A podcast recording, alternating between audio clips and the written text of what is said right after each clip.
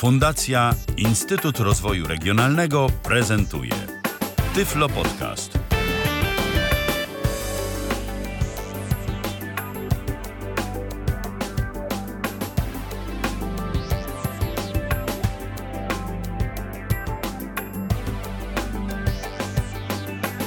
Cześć kochani, witam Was bardzo serdecznie dzisiaj, czyli ja, Magdalena Rutkowska i No i ja, aż y, z tego wrażenia, y, że ja ponownie tu jestem gościem, to mi się mikrofon wyłączył tak na moment, ale witam serdecznie, Michał Dziwisz po tej drugiej stronie. ponieważ ileś razy podczas y, podsumowywania audycji pomyliło mi się, że prowadził Michał Dziwisz, no to więc Michał Dziwisz musi jednak coś poprowadzić, a przynajmniej powspółprowadzić. Współprowadzić, dokładnie, dokładnie. Tak Y, się jak, to jak to zwykle u nas będzie o rekinach? Nie, E, nie. no. Nie, nie będzie o, reki- nie będzie o rekinach, aczkolwiek... e, O rekinach może- biznesu O rekinach będzie. biznesu. O, Ależ to górnolotnie zabrzmiało, słuchaj. W każdym razie, przede wszystkim zapraszamy Was bardzo serdecznie do, do kontaktu, do dzielenia się swoimi różnymi spostrzeżeniami, dlatego że dzisiaj będziemy sobie rozmawiać o promocji y, no, swojej firmy, swojego biznesu, o kreowaniu swojego wizerunku zawodowego. I to wszystko jedno, czy mamy właśnie własną firmę, czy jesteśmy pracownikiem, czy szukamy, czy w przyszłości spodziewamy się szukać pracy, mm, o kreowaniu takiego wizerunku przez internet, szczególnie też w mediach społecznościowych, ale nie tylko, bo, bo tak naprawdę dosyć szeroko chcemy potraktować temat, jednocześnie też nie zagłębiając się w jakieś nadmierne szczegóły typu analizowanie statystyk, oglądalności strony itd., itd., bo to już są troszeczkę bardziej specjalistyczne rzeczy i mogą być nudne, a poza tym należałoby to zrobić osobno. A tutaj troszkę chcemy tak ogólnie pogadać. Także jeżeli ten- spodziewaliście się y, recepty na sukces i na y, to, żeby jutro na przykład od razu otrzymać pracę, mm, a najlepiej bardzo dobrze płatną albo ekstra dobrze płatną, to myślę, że no niestety rozczarujecie Nie, się nie jesteśmy w stanie tego zagwarantować, więc proszę, tak, więc proszę nam później nie przysyłać pretensji, że. y, że się nie udało. No, to tak od razu.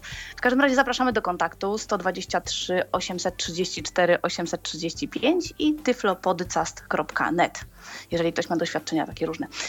A ja chciałam tak naprawdę zacząć od tego, do kogo kierujemy swoją ofertę. Wszystko jedno, czy jako pracownik potencjalny, czy, czy jako właściciel własnej firmy, biznesu. Niektórzy nawet nie mają biznesu, tylko na przykład mają usługę, którą oferują komuś w ramach umów o dzieło, czy, czy w jakiś inny sposób, ale chcą się promować. Więc myślę, że tak naprawdę najważniejszą rzeczą w tym wypadku jest zastanowienie się, do kogo my to w ogóle kierujemy. I czy tak naprawdę kierujemy, bo często się wydaje, a bez przesady, ja się tam wcale nie udzielam, mnie nie zależy ani na zmianie pracy, ani na poszukiwaniu, albo wcale mi się nie chce pracować, albo już mam świetną robotę i absolutnie nie szukam innej. I wszystko jedno, co ja publikuję, co robię, jak ja się kreuję, bo, bo mnie to nie interesuje, mnie to nie obchodzi.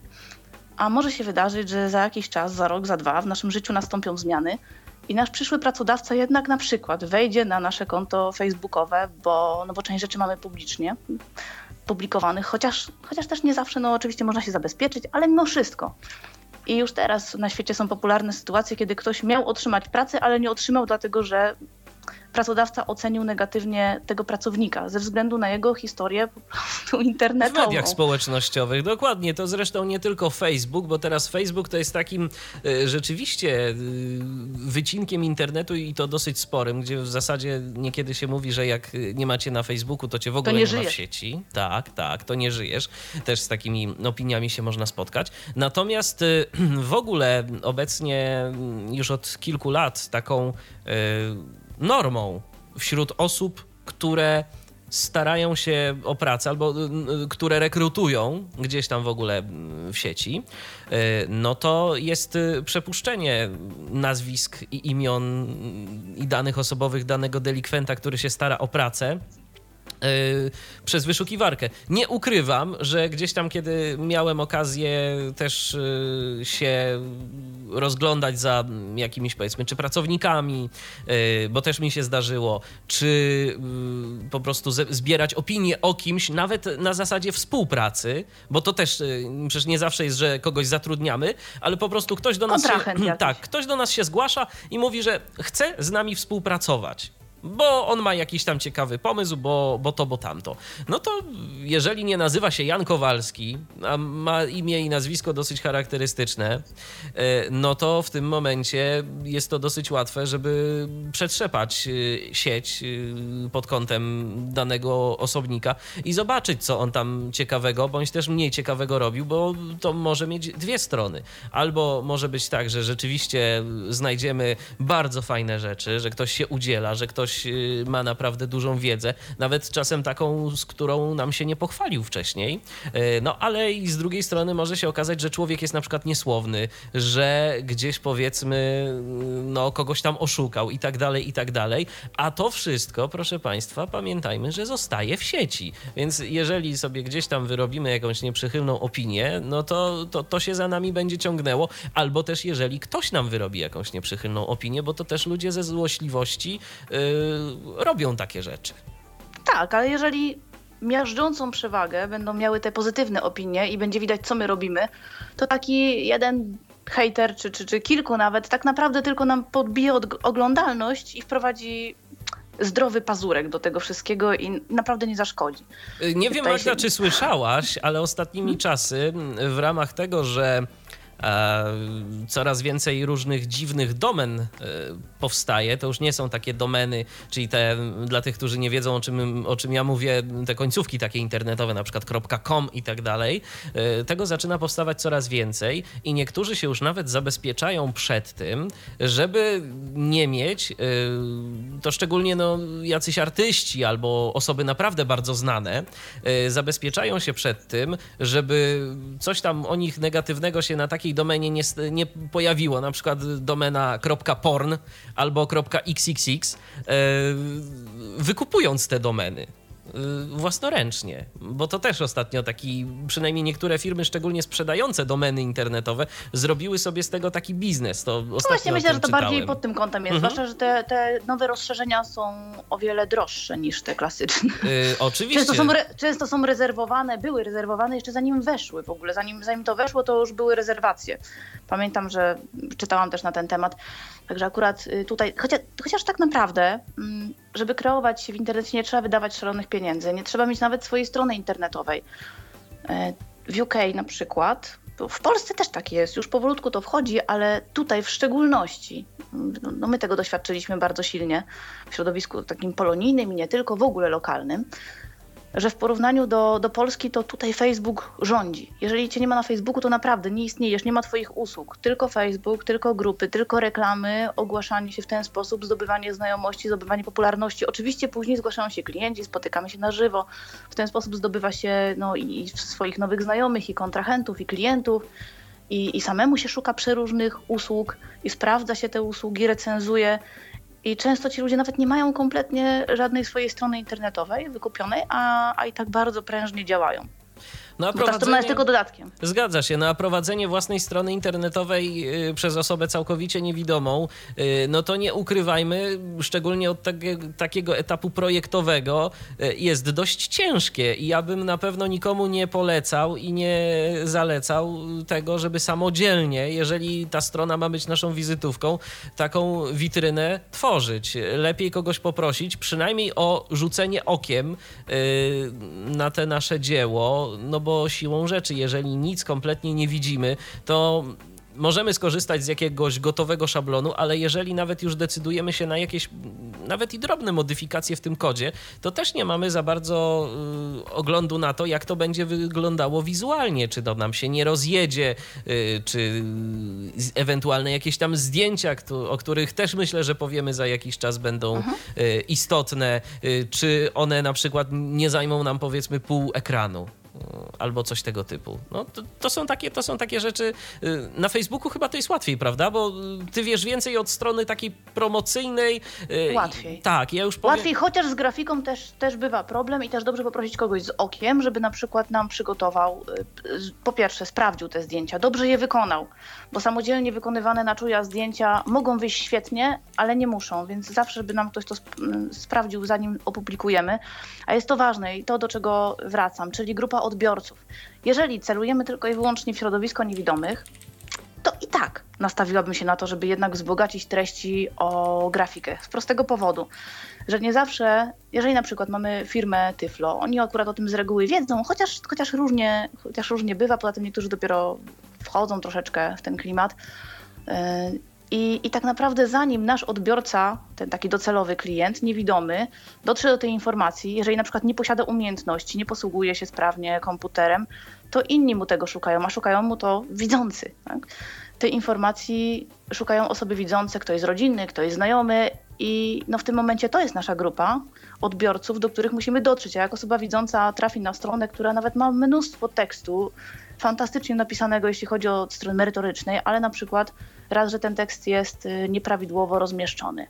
Y, no bo osoba całkowicie niewidoma, na przykład nie, nie zna się za bardzo na formatowaniu, tego się uczy mniej lub bardziej, ale no, no też narzędzia, które nam to umożliwiają, nie są perfekcyjne ciągle. Po drugie, nie ma grafik, albo te grafiki są kiepskie, kolory nie, nie zawsze ciekawe. Tak? I odruchowo, to nawet nie jest świadomy zamysł jakiś i zamiar, ale odruchowo osoba widząca coś takiego odrzuca. Jak on, co, to, to jest niefajne, to niedobrze wygląda, to, to słabe to jest. To jeżeli mamy skorzystać z usługi kogoś, kto nie potrafi sobie nawet dobrze zrobić strony internetowej, to, gdzie jest... w przypadku akurat y, firmy Tyflo to może być to bardzo krzywdzące, bo ci ludzie może mogą mieć y, naprawdę bardzo dużą wiedzę y, w zakresie właśnie tego, co chcieliby ci klienci nabyć albo jakąś ale tam klienci, Ale klienci usługę. o tym nie wiedzą, dlatego że Oczywiście. patrzą na, na zdjęcia, patrzą na grafiki i to naprawdę to jest, to jest po prostu jakaś no wręcz paranoja nam by się mogło wydawać, ale to jest normą. Fanpage, który nie ma dobrego logo, który nie ma dobrego zdjęcia w tle, dobrego zdjęcia profilowego, y, gdzie posty nie są opatrywane żadnymi grafikami, no do osób widzących to tak się gdzieś to przemyka między tymi aktualnościami, często w ogóle nawet nie ma, nie ma większego zainteresowania tym. To samo ze stronami internetowymi i też wiem, że w Stanach i w ogóle też na, na Zachodzie, w Polsce też oczywiście, jak najbardziej, zaczyna się do tego podchodzić troszkę inaczej, czyli żeby jednak mocniej się nastawić też na promocję no taką trochę bardziej mainstreamową, że nawet jeżeli mamy produkt dla osób niewidomych, słabowidzących, to żeby jednak kierować tę ofertę tak, jakby y, osoby widzące w pełni też miały się tym zainteresować, że to ma również pod względem estetycznym być super i i zainteresować osobę widzącą. Tym bardziej, że osób niewidomych całkowicie to nie ma aż tak wielu. Bardzo duży odsetek osób niewidomych y, na papierze y, jednak coś tam widzi i z tego oka jednego czy drugiego albo obu mm, jest w stanie skorzystać. I też mają swoje odczucia estetyczne. Zresztą od lat się narzekało na to, że często sprzęty dla osób niewidomych to tak naprawdę tak wyglądają topornie i nieciekawie, że ten design nie jest ani nowoczesny, ani fajny, że to takie jest, no, zro, zrobili coś dla niewidomych, no bo wiadomo, że oni tego nie ocenią, ale oceniają również, zwłaszcza jeżeli to są sprzęty drogie. Oceniają y, albo oceniają ich y, bliscy czy znajomi, ale tak wiesz co, jak rozmawiamy o, tych, o, o tej promocji przez obraz, y, to przypomina mi się, daleko zresztą pamięcią sięgać nie muszę, bo to jest e, kwestia sprzed kilku tygodni, jak e, producent JOSa, czyli firma Freedom Scientific, postanowiła e, świętować dwudziestolecie tego czytnika ekranu dla systemu Windows. Otóż ci, którzy czytali Tyfloświat wiedzą, a dla tych, którzy nie czytali, to informacja, że firma Freedom Scientific postanowiła ogłosić taki powiedzmy, że konkurs. Konkurs polegał na tym, że należało nagrać tam kilkudziesięciosekundowy filmik i to podkreślam właśnie filmik. Osoba Film. niewidoma miała nagrać filmik. Yy, który będzie w pierwszej części tego filmiku, będzie informacja odnośnie tego, kim my w ogóle jesteśmy, co robimy, czym się zajmujemy, od jak od dawna używamy JOSa, jak wiele ten JOS dla nas znaczy, oczywiście. E, no, a druga część tego filmiku miała zawierać informację, tak, taką króciuteńką demonstrację, co my tam właściwie za pomocą tego JOSa robimy, jak się spełniamy zawodowo, jak pracujemy, po co nam w ogóle ten program jest. I z tych filmików króciutkich powstał taki dłuższy materiał, wideo, co do którego zawartości audio to ja bym się akurat mógł tu przyczepić, co do zawartości wideo to się nie przyczepię. Nie, nie wypowiesz. Nie wypowiem się, bo nie widziałem, ale tak zwany resampling w audio tam, tam był, więc ktoś tu chyba aż za dużą wagę położył na ten obraz, ale okej, okay, mniejsza z tym. W każdym razie ten filmik się pojawił. Nagrodą dla tych wszystkich, którzy wzięli udział i których materiały zostały wykorzystane w tym filmiku, były pakiety SMA dla JOSa, czyli tam przedłużenie licencji o dwie kolejne wersje. No wow. No, no i widzisz, i tak właśnie, i, i to firma dla osób niewidomych. Zresztą y, firma mm, A Squared y, też, y, czyli producent niegdyś GW Micro, y, ja bardziej mówię pod, pod kątem GW Micro, która teraz się nazywa A Squared, bo oni się tam połączyli. Y, oni też mają jakiś swój kanał na YouTubie, mm, są tam jakieś różne promocyjne materiały pokazywane, także ta promocja obrazem także i w środowisku niewidomych istnieje. Zwłaszcza, że niewidomi również korzystają z YouTube'a. Oczywiście. Jaki, jak, jaki by on nie był i jak by nie działał, bo to się zmienia jak w kalejdoskopie, raz ta aplikacja jest bardzo dostępna, raz mało dostępna, coś tam się wydarza, więc trudno się wypowiedzieć, bo za miesiąc może być inaczej. Ale też my z tego korzystamy. Wiadomo, że osobie niewidomej jest bardzo trudno nakręcić filmik. To jest no to powód, między innymi ten powód, dla którego ja akurat się w filmiki nie bawię, ponieważ no, nie jesteśmy w stanie nad tym zapanować. Już mam na to pewien pomysł, już mam na to pewien pomysł, jak to wykorzystać, żeby jednocześnie samodzielnie nagrywać, ale żeby też to było na bieżąco kontrolowane przez kogoś z okiem, nawet zdalnie da się w tym wypadku, myślę. A zapytam Magda o zdjęcia. Czy ty próbowałaś i z jakim efektem robić zdjęcia samodzielnie? Robiłam też zdjęcia, yy, tak, tak. Co prawda ja mam to ogromne szczęście, że ma kto robić zdjęcia, moich prac szczególnie, no bo tutaj absolutnie mi się nie odważyła, dlatego że to musi zrobić profesjonalista, bo to są reprodukcje obrazu, więc tutaj muszą być zdjęcia profesjonalne, mhm. no, no, takie naprawdę, takie, takie faktycznie studyjne, a, a nie coś robionego z iPhone'a w biegu. No tak. Mm, więc, więc, takich nie. Natomiast y, oczywiście inne też. I tutaj też musimy pamiętać o zasadzie. To troszkę fajnie by było zainteresować się mocniej. Kiedy powinniśmy robić zdjęcia w pionie, kiedy w poziomie. Dla pocieszenia, słuchajcie, nie zawsze osoby widzące nawet dobrze z tego korzystają. Y, nie, nie zawsze tak jest. Na przykład warto pamiętać, że jeżeli y, robimy zdjęcia osoby. O, podam swój przykład, bo to chyba będzie tak, tak no takie mm, dosyć wiarygodne. Jeżeli ja masuję psa i klęczę przy tym psie, to należy wykonać zdjęcie poziome. No bo, no bo to jest logiczne, tak? My, my bardziej jesteśmy płożący niż pnący, więc siłą rzeczy na tym zdjęciu fajnie, żeby to było zdjęcie poziome jeżeli robimy zdjęcie takiej stojącej Zdjęcie postaci, poziome, to wiesz co, wytłumaczmy może, to jak my ten aparat powinniśmy poziomo e, trzymać? Czy... Ponieważ e, tak, poziomo iPhone'a trzymać. Zresztą Aha. w iPhone'ie akurat możemy robić sobie równie dobrze fajną panoramę, też możemy, on sam nawet mówi, e, kiedy mamy się zatrzymać, że za, za szybko, za wolno się przesuwamy. Ważne, żeby ręka nie, nie drżała, żeby ją ustabilizować i da się robić fajne zdjęcia. Da się fajne zdjęcia robić osób. Nie zawsze tak jest. To nie jest ojej, wszyscy, wszyscy, ale jak się potrenuje odpowiednio, Wiesz, to, iPhone to, to, myśl, to myślę, że można. iPhone ma, ma, nawet ma funkcję roz... wykrywania twarzy tak, również. Tak, tak. Dokładnie. Co jest praktyczne? Co jest praktyczne? I też y, śledzi to, w jaki sposób zdjęcie zostało wykonane. Czy ono jest rozmazane, czy jest ostre, czy jest dobrze doświetlone, czy jest niedoświetlone. To bywa pomocne, chociaż i tak zawsze warto mieć kogoś zaufanego, kto nam jednak na to zerknie.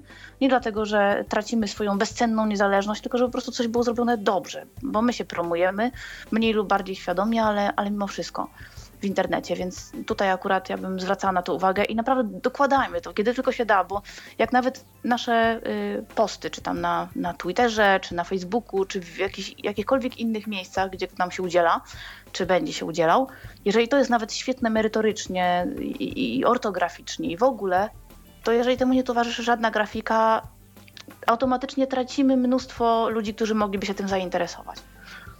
I właśnie a propos, a propos tej ortografii, nie wiem, czy to tak celowo do tego nawiązujesz, Troszkę nie, celowo, ale, bo to też ważny aspekt. Ale ja naprawdę mam gorący apel do wszystkich, którzy udzielają się publicznie. Zwracajmy na to uwagę. Zwracajmy na to uwagę, tym bardziej, że w tym momencie nie ma już naprawdę żadnego usprawiedliwienia, o ile gdzieś tam jeszcze kilkanaście lat temu, dobrze, czytniki ekranu nie zawsze informowały nas o tym, że coś napisaliśmy źle nie zawsze była ta y, poprawa pisowni, korekta pisowni w danym programie. Ale jeżeli mamy w przeglądarce internetowej, w kliencie poczty elektronicznej, czy w jakimkolwiek innym narzędziu, takim jak y, edytor tekstu, możliwość sprawdzania pisowni, a ktoś to z rozmysłem wyłącza, bo mu za dużo razy czyta błąd, to ja może nie będę komentował takiego stawiania sprawy. Y, I to się tyczy wszystkich y, miejsc, gdzie udzielamy się publicznie. Czy to są jakieś fora internetowe, także przecież y, obecne w sieci. Pamiętajmy, pamiętajmy, że większość list dyskusyjnych jest tworzona na przykład na Yahoo czy, czy na bazie Google'a i później pozycjonuje się w internecie i nasze posty, które były gdzieś tam na branżową listę skierowane, mogą później zostać przez dowolną osobę wyszukane. Oczywiście, że tak. Yy, czy nawet yy, nasze tu środowiskowe listy dyskusyjne, takie jak chociażby Tyflos, który akurat, yy, który akurat ma własny yy, serwer list dyskusyjnych, ale tam przecież yy, jest Archiwum, archiwum. można sobie przejrzeć. Tak, oczywiście Spokojnie. i można sobie wszystko odgrzebać z tego archiwum, zobaczyć jak kto co pisał, szczególnie jeżeli podpisujemy się własnym imieniem i nazwiskiem. No to już wtedy y, ktoś, kto będzie zainteresowany naszą jakąś tam powiedzmy mm, ofertą pracy, Albo używamy maila tego samego, Tak, bo też tak jest. tak. Nawet nie musi być imię i nazwisko, ale jeżeli mail jest ten sam, to ktoś nas po tym adresie wyszukuje. Oczywiście, Często. że tak. Oczywiście, że tak. P- Także paradoksalnie dużo jest e, ludzi, którzy swój numer e, podają przy zakładaniu konta na Facebooku. Ile ja razy mam taką sytuację, że tam gdzieś powiedzmy rozmawiam z kimś, no pierwszy raz w jakiejś tam sprawie do kogoś dzwonię, coś, coś chcę, dodaję sobie, ten, dodaję sobie ten kontakt, znam na przykład tylko imię człowieka, dodaję sobie kontakt w iPhone'ie, a poniżej kontaktu wyświetla mi się Facebook i tutaj y, imię, nazwisko, bo ktoś ma taki identyfikator na Facebooku. I już wiadomo, kto zacz i jak y, człowieka znaleźć i ewentualną tam, powiedzmy, mm, historię jego sieciową prześwietlić. Prześwietlić bądź odkryć, że ktoś to do nas wysyła głupoty z jakiegoś swojego prywatnego maila, pod zupełnie innym imieniem i nazwiskiem występuje na Facebooku. Oczywiście, że tak, bo, te, bo też się tak. Bo, się, też bo się tak ukrywa i kamufluje z dziwnych względów na przykład. Tak, tak, tak. Także to wszystko jest do wykrycia.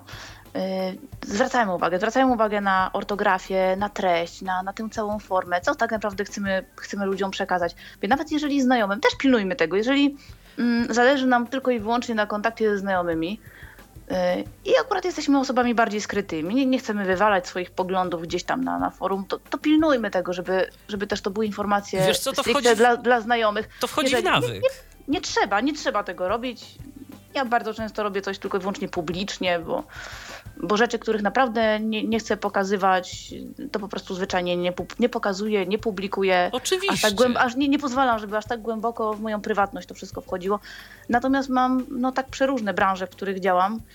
Zawodowo, półzawodowo, społecznie i tak dalej, że, że no trudno by mi było co i rusz coś zastrzegać, bo tak naprawdę chodzi bardziej o tę propagację, ale nie każdy tak musi mieć. Oczywiście, Ktoś że może, tak. ktoś może chcieć zachować maksymalną prywatność. E, Właśnie widzę, że mamy telefon i spróbujemy ten telefon odebrać. Odebrać. Oczywiście. E, Zadzwonił do nas e, Rajmund. Witamy cię serdecznie. No, witam Was serdecznie. Cześć, Bardzo Rajmund. ciekawy program. Cześć Magda. Bardzo ciekawy program. Yy, zaczęliście mówić w tej chwili o, o rzeczy, która jest no, chyba bardzo, bardzo ważna.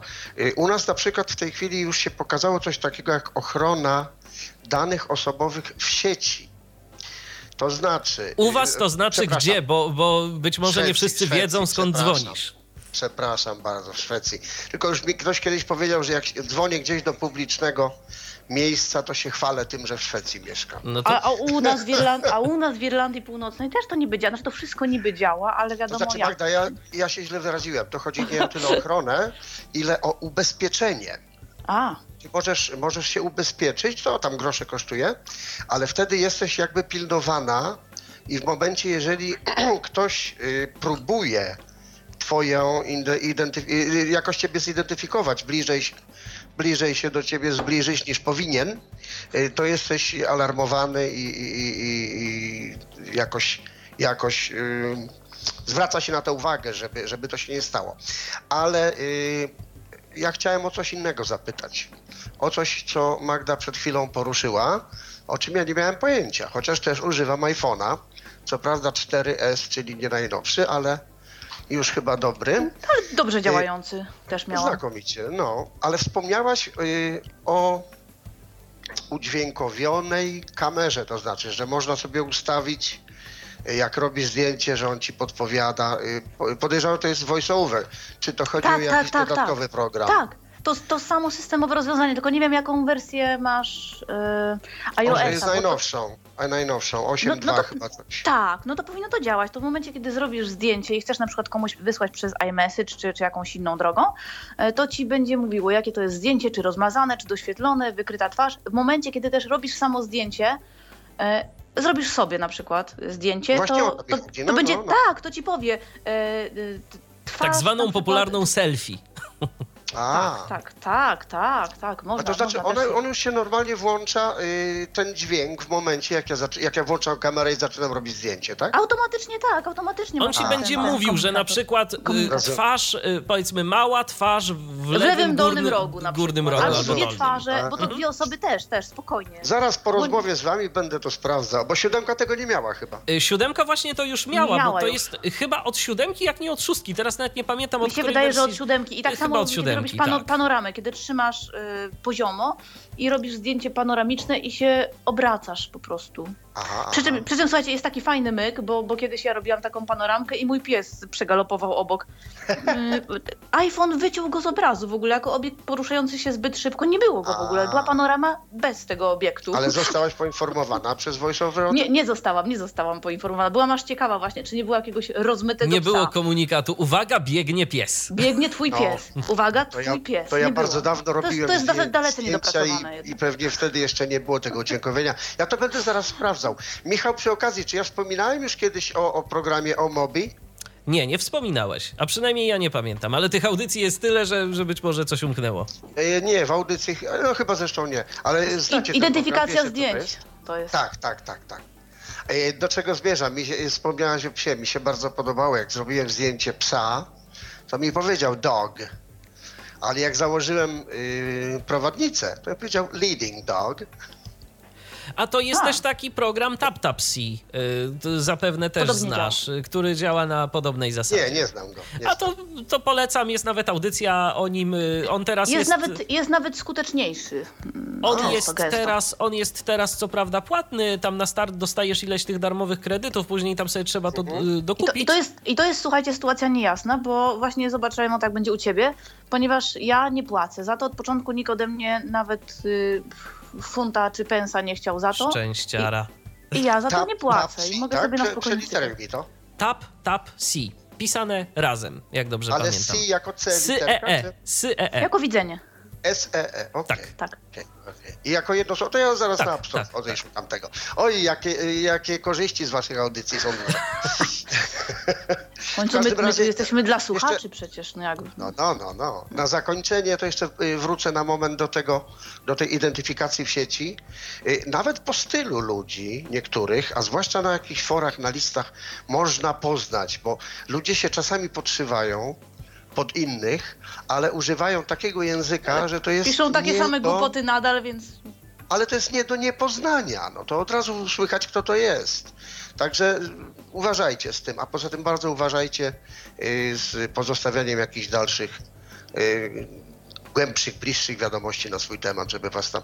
Trochę mnie prze, przeraziliście tym, że przy kontaktach może się facebookowy profil pokazać od To razu. zależy w jaki Tak. sposób to skonfigurujesz. Ja na przykład mam to skonfigurowane w ten sposób, e, że y, u mnie to się wyświetla bez problemu, no bo ja Tak, akurat... tak, tak, tak. Ale ja... to chodzi o to, że ty możesz to zobaczyć, Nie, ale ja y, każdy. nie wiedzieć Jeżeli, tam. każdy, jeżeli wpiszesz, jeżeli dodasz na przykład sobie mój, ter, mój numer telefonu, który no, notabene nie jest zresztą żadną tajemnicą, bo to też, jeszcze, to też jest jeszcze kwestia taka, y, jak kto tam powiedzmy... chyba w Facebooku też. Y, tak, tak, tak. To sobie można ustawić w Facebooku.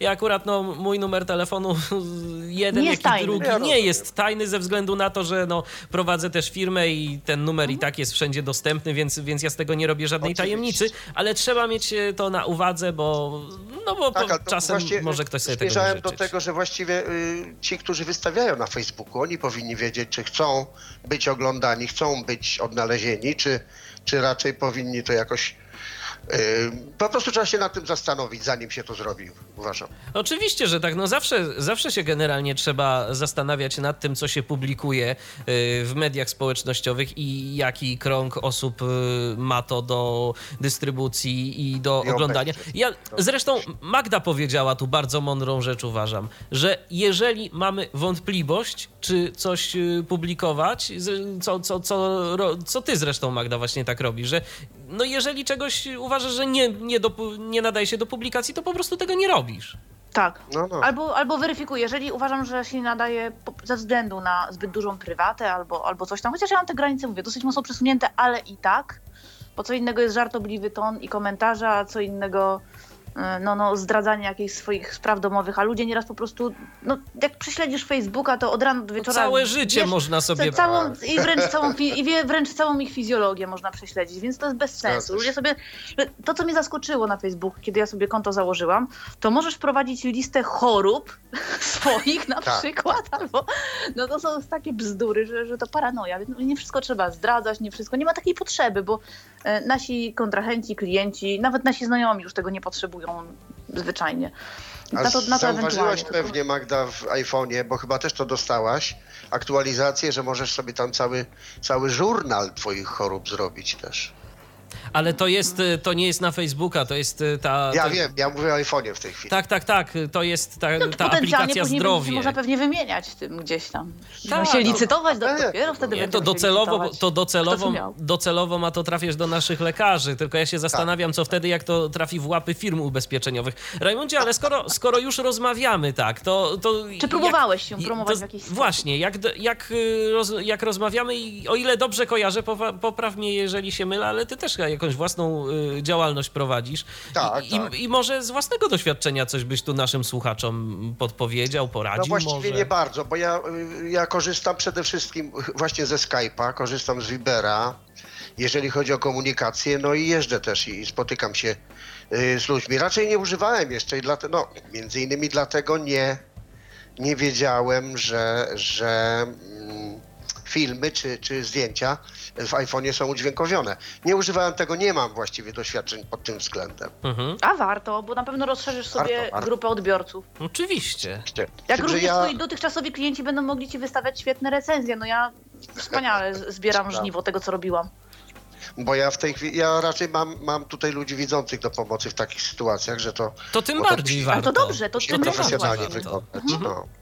Ja, ale ja za, oczywiście, że ja się tym zainteresuję. Bardzo Wam dziękuję za, za tę audycję, no i za podpowiedź oczywiście. My Będziemy kontynuować, bo teraz powiemy też o grupach, które są troszeczkę jeszcze w Polsce niedoceniane coraz mocniej, ale, ale ciągle Ja Was dalej traktują... słucham, dalej Was słucham. Powiedz mi jeszcze tylko Magda, czy wiosna do nas, do Was przyszła? No, to trochę przyszła i się wycofała, ale ja już nowe ziółka w greenhouse mam, już, już ratuję roślinki po zimie, już nowe zasadzam, także nie jest źle. I pies już też podstrzyżony, także wiosna A, idzie. A, bo Ty masz strzyżonego, a nie... Nie, nie, nie, nie, nie, linię- tylko, tylko, tylko tak profilaktycznie, tak pięknie. Dobra, nie będziemy tu o psie, bo, ale pies też jest na no. Facebooku ostatnio, także... I No też to jest trzymajcie akurat się, promocja słucham Was dalej. Do usłyszenia, pozdrawiamy. No, dzięki, hej. Dzięki. Gajdok prywatny to był właśnie. Tak. W wersji bezszorkowej.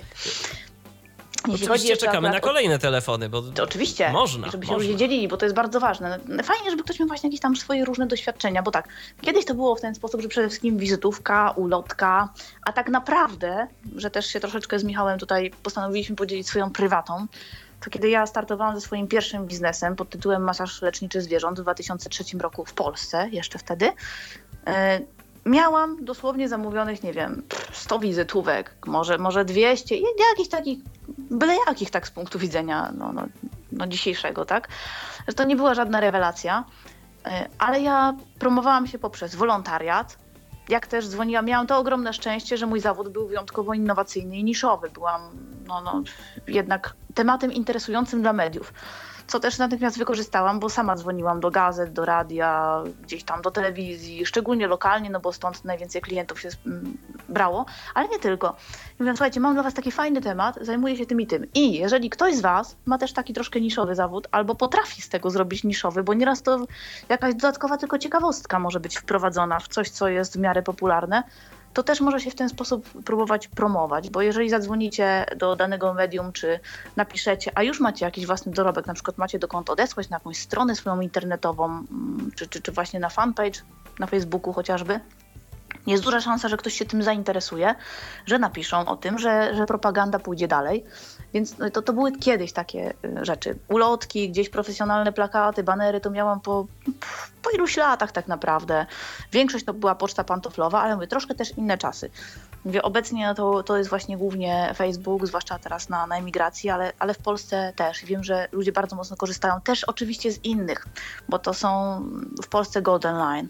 Międzynarodowy jest LinkedIn, czyli takiej sieci kontaktów typowo biznesowych. Tak, typowo. z tym, tam... że tam najwięcej, tak z tego co ja obserwuję, to przede wszystkim właśnie ludzi z branży IT i pokrewnych yy, najwięcej tam Głównie. gdzieś się, gdzieś Głównie, się pojawia. Tak. Oczywiście nie tylko. Golden Line jeszcze w Polsce jest o tyle ciekawy, zresztą LinkedIn chyba też, ale ja szczerze mówiąc LinkedIna mam jakoś mniej wyeksplorowanego. W Golden, na Golden Line są jeszcze te tak zwane grupy. Yy, tak. W LinkedInie zresztą też. I tam... Yy, ludzie o różnych pasjach gdzieś mogą, mogą się wymieniać doświadczeniami. Tak. to tym, jest bardzo że... praktyczne tak, to jest bardzo praktyczne, tylko mm, one mam wrażenie troszeczkę czemu innemu służą, bo na Facebooku mi grupy kojarzą się bardziej z takimi przede wszystkim, ja nie mówię, że tylko, ale przede wszystkim takimi ogłoszeniami, a jednak e, te grupy... Różnie, bardzo różnie, w grupy, od, od, branży. A jednak te grupy golden line'owe, to mm, ja tam raczej się spotykałem z takimi dyskusjami stricte merytorycznymi na dany temat, ale to oczywiście nie chcę tu jakoś za bardzo generalizować, bo też i niespecjalnie się w całą kwestię wgłębiałem. Ja, ja to zupełnie, zupełnie inaczej u mnie ta cała sytuacja wyglądała. Ja to tak na dobrą sprawę, zresztą mogę powiedzieć w ogóle, z, z czego się jakby u mnie to wszystko wzięło. Mhm. Ta kwestia promocyjna i, i tak dalej. To teraz powiem. Y, a powiedz. Historię, a, a historię, której, historię, której chyba nawet ty jeszcze nie znasz, bo ci o tym nie opowiadałem, a słuchaczom też nie, nie opowiadałem nigdy wcześniej. Wielka tajemnica zostanie teraz wydana, uwaga. Tak, y, to, to, jest, to jest ciekawostka. Słuchajcie, y, ja tak podkreślam to, że trzeba pisać jakoś w miarę poprawnie i tak dalej. Nie bez powodu. W roku 2000 czy tam 2001 ja zrobiłem swoją pierwszą w życiu stronę internetową. Yy, powiem tak, po jakimś czasie, yy, kiedy ta strona się pojawiła, ja tam no, myślę, że merytorycznie to nawet coś starałem się sensownie napisać. Ale dostałem jednego maila od jednego z czytelników, który zjechał od góry do dołu zawartość tej strony internetowej, bo tam, jak się później okazało, był błąd na błędzie. Ja kiedyś miałem dosyć duże problemy z ortografią. I to takie naprawdę spore. Yy, kiedyś większe, później, później mniejsze, później mniejsze. No teraz yy, też mi się, wiadomo, jak każdemu zdarza robić błędy, ale to są błędy raczej, które, które po prostu gdzieś tam jeszcze komputer mi wyłapie. No zresztą też i w życiu zawodowym zajmuję się pisaniem tekstów, więc yy, no siłą rzeczy nie mógłbym tego robić, gdybym nie potrafił poprawnie pisać. Ale od tamtego czasu ja sobie zdałem sprawę, że no to jest istotne. I zdałem sobie sprawę z tego też, że Y, tak sobie przemyślałem, że tak naprawdę po nas zostaje w tym internecie ślad i później kiedy ktoś będzie chciał zajrzeć gdzieś tam, wpisać w, w, internet. Ja jeszcze, ja jeszcze w ogóle nie wiedziałem, że ludzie będą wyszukiwać ludzi w internecie jako takich. Yy, gdzieś tam. No, bo to inne czasy, inne Bo to były inne obyczaje. czasy, oczywiście, to były inne czasy. Ale ja tak jakoś miałem taką świadomość i tak sobie pomyślałem, kurczę, ale no, kiedyś ktoś może to znaleźć i może yy, powiedzmy, no sobie wyrobić o mnie taką, a nie inną opinię na podstawie tego, co ja tam, co ja tam powypisywałem. Yy, chyba tego już, chyba tego nie ma, chyba tego nawet Web Archive nie, nie zaindeksował. To jakaś taka bardzo mało istotna strona była, jak się okazało. Natomiast to, natomiast to było i to było publicznie gdzieś tam widoczne w sieci. No i tak naprawdę, no gdyby to zostało, to też kto wie, jakie I to by gdzieś tam mogło ja, mieć później dobra, reperkusje. I, I sprowokowałeś mnie, bo jednocześnie przypomniała mi się moja historia. To będzie a propos tego, że jeżeli ktoś nam coś e, pisze, przekleja, robi, wprowadza, że na przykład my dajemy teksty, ale mamy kogoś, kto nam robi tę stronę. Bo ja miałam taką historię, e, no już dawno, to, to jeszcze przy mojej w ogóle poprzedniej stronie, gdzieś tam, gdzieś tam, mój ówczesny admin dostał ode mnie tekst do wprowadzenia na stronie, po czym zrobił tam korekty. E, I między innymi zmienił ż w drenaż limfatyczny. Hm. Nie, było to, nie było to dobrym posunięciem. Ja wyszłam z założenia, że skoro ja przygotowałam teksty, dobra, no wszystko jest, nie będę sprawdzać, no bo jeżeli nie sprawdzasz litera po literze, to jeśli chodzi o akurat o ż, syntezator nie czyta czegoś innego. Nie przyszło mi do głowy, że on wprowadził taką korektę. A wprowadził i później otrzymałam mail bardzo nieprzyjemny od, od kogoś, w ogóle obcej osoby. E, Jeżeli ma Pani w ten sposób napisane, nawet Pani nie wie, z jakich y, rodzajów masażu Pani korzysta w pracy, to już widzę, jakie są Pani umiejętności, że są pewnie tyle samo warte, co ta ortografia. Ja w szoku, jak to, jaki błąd? Faktycznie sprawdziłam, no i oczywiście awantura, nie? Coś ty zrobił, albo mnie się wydawało. Słuchaj, nie od dzisiaj wiemy, że akurat jeśli chodzi o ortografię, no to, no to nie, nie, nie jesteś tutaj super hiper, więc trzeba było zaufać albo chociaż poinformować mnie, że zamierzasz taką zmianę wprowadzić. No tak, to, to, się, to się A zgadza. bo, bo tak naprawdę to, to ja y, zebrałam później Żniwo. żniwo takie, takie w negatywnym akurat tego słowa rozumieniu. Od tej pory jestem bardzo czujna, minęło ileś lat. Bo pamiętajmy, że, że osoby niewidome i widzące mają z tym problem, więc nie jesteśmy w stanie zapanować nad, nad grafiką, ale jesteśmy w stanie zapanować nad ortografią, nad merytoryczną stroną i tego faktycznie pilnujemy. O grupach jeszcze chciałam troszeczkę porozmawiać tutaj akurat w kontekście bardziej Facebooka. Zaraz też o Twitterze trochę pogadamy. E, Tutaj bardziej Michał się może wykazać, no bo ja akurat nie, nie, nie bawię się tym. Ja już nie mam siły po prostu na to, dlatego że jeszcze parę innych rzeczy jest. Y, ale o grupach. Grupy na Facebooku, mówię, troszkę są jeszcze niedoceniane, a tak naprawdę to są właśnie rzeczy, w które warto wejść. Od razu mówię dla tych, bo tutaj się pojawił wątek prywatności, że jeżeli zablokujemy kogoś prywatnie, to na przykład na grupie niekoniecznie, on może sobie czytać nasze posty na, na grupach, więc też uważajmy. Jeżeli nie jest to jakaś grupa zastrzeżona, zamknięta, kontrolowana, tylko taka publiczna, to też każdy może sobie tam wejść i czytać i, i nie ma problemu wtedy żadnego z dostępem do, do, do takich grup. A może poszukiwać sobie po naszych na przykład znajomych albo gdzieś, do jakich my należymy z kolei. E, Więc tutaj też uważajmy, jeżeli ktoś, ktoś nie chce, no bo jeżeli publikujemy sobie a to swoje ogłoszenia, a to jakieś inne rzeczy, albo merytoryczną dyskusję bez prywat, no jak to na grupie, bo do grupy należy nieraz 100, nieraz parę tysięcy osób i, i może niekoniecznie chcielibyśmy, żeby wszystko wszyscy wiedzieli. Mm, Więc tutaj zwracam uwagę, tak troszeczkę uczulam. Natomiast same grupy to jest fajna sprawa, dlatego że po pierwsze są lokalne, na przykład dotyczące o, miasta i ława. Tak? Na pewno masz, Michał, gdzieś tam grupy dotyczące Twojego miasta i to pod różnym kątem, ogłoszenia, Wiesz a to nieruchomości, co? Ja a to kiedyś gdzieś, a to, a to, a to szukałem. praca. ja a to kiedyś nawet szukałem, No. natomiast powiem ci szczerze, że y, jakoś niespecjalnie było coś tam Iława, y, podróżujący z Iławy gdzieś tam, albo do Iławy. To Że- może trzeba, no to może trzeba stworzyć, dlatego że tych grup jest mnóstwo. Są na przykład ludzie, którzy wiesz co, Magda, kochają, może za- kochają starą... Może zanim się rozwiniesz jeszcze a propos tych grup, bo mamy telefon, to, to odbierzmy O, może od razu. oczywiście. Andrzej się do nas dodzwonił tym razem. Witaj Andrzeju. Halo, halo, witajcie, Cześć, Andrzej. witajcie, pozdrawiam wszystkich was tam siedzących.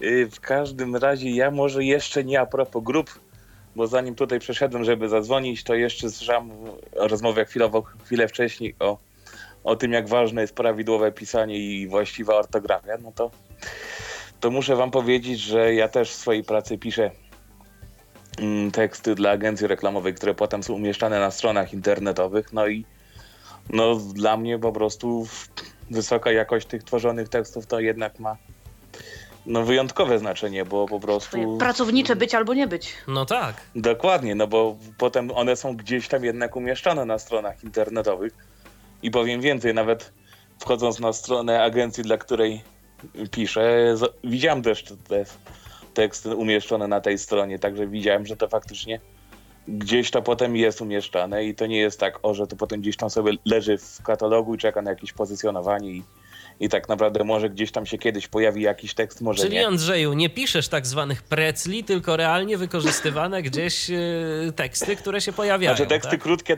katalogowe na Google Plusa czy Facebooka też piszę, ale, ale też często piszę właśnie tak, i już jakieś takie dłuższe artykuły, które po prostu są potem już umieszczone na konkretnych stronach internetowych. Ja nawet często wiem, dla której strony piszę dany tekst, więc po prostu No, to tym lepiej, bo może dostosować sobie to. dostosować sobie można tak. I tak powiem nieraz nawet to, że Spersonalizować. zwracam to. uwagę często, jak piszę tekst dla jakiejś strony internetowej, to mimo, że jakiś czas temu dla tej strony pisałem i jest zamówienie do, do agencji, dla której ja piszę na kolejne teksty na, te, na tą stronę, to się przekonałem jednak o tym, że nawet jak się na tej stronie było ostatni miesiąc wcześniej, to mimo wszystko warto ją za miesiąc po raz kolejny odwiedzić, no bo mogą ulec zmianie pewne ważne informacje i wtedy po prostu można walnąć głupi błąd.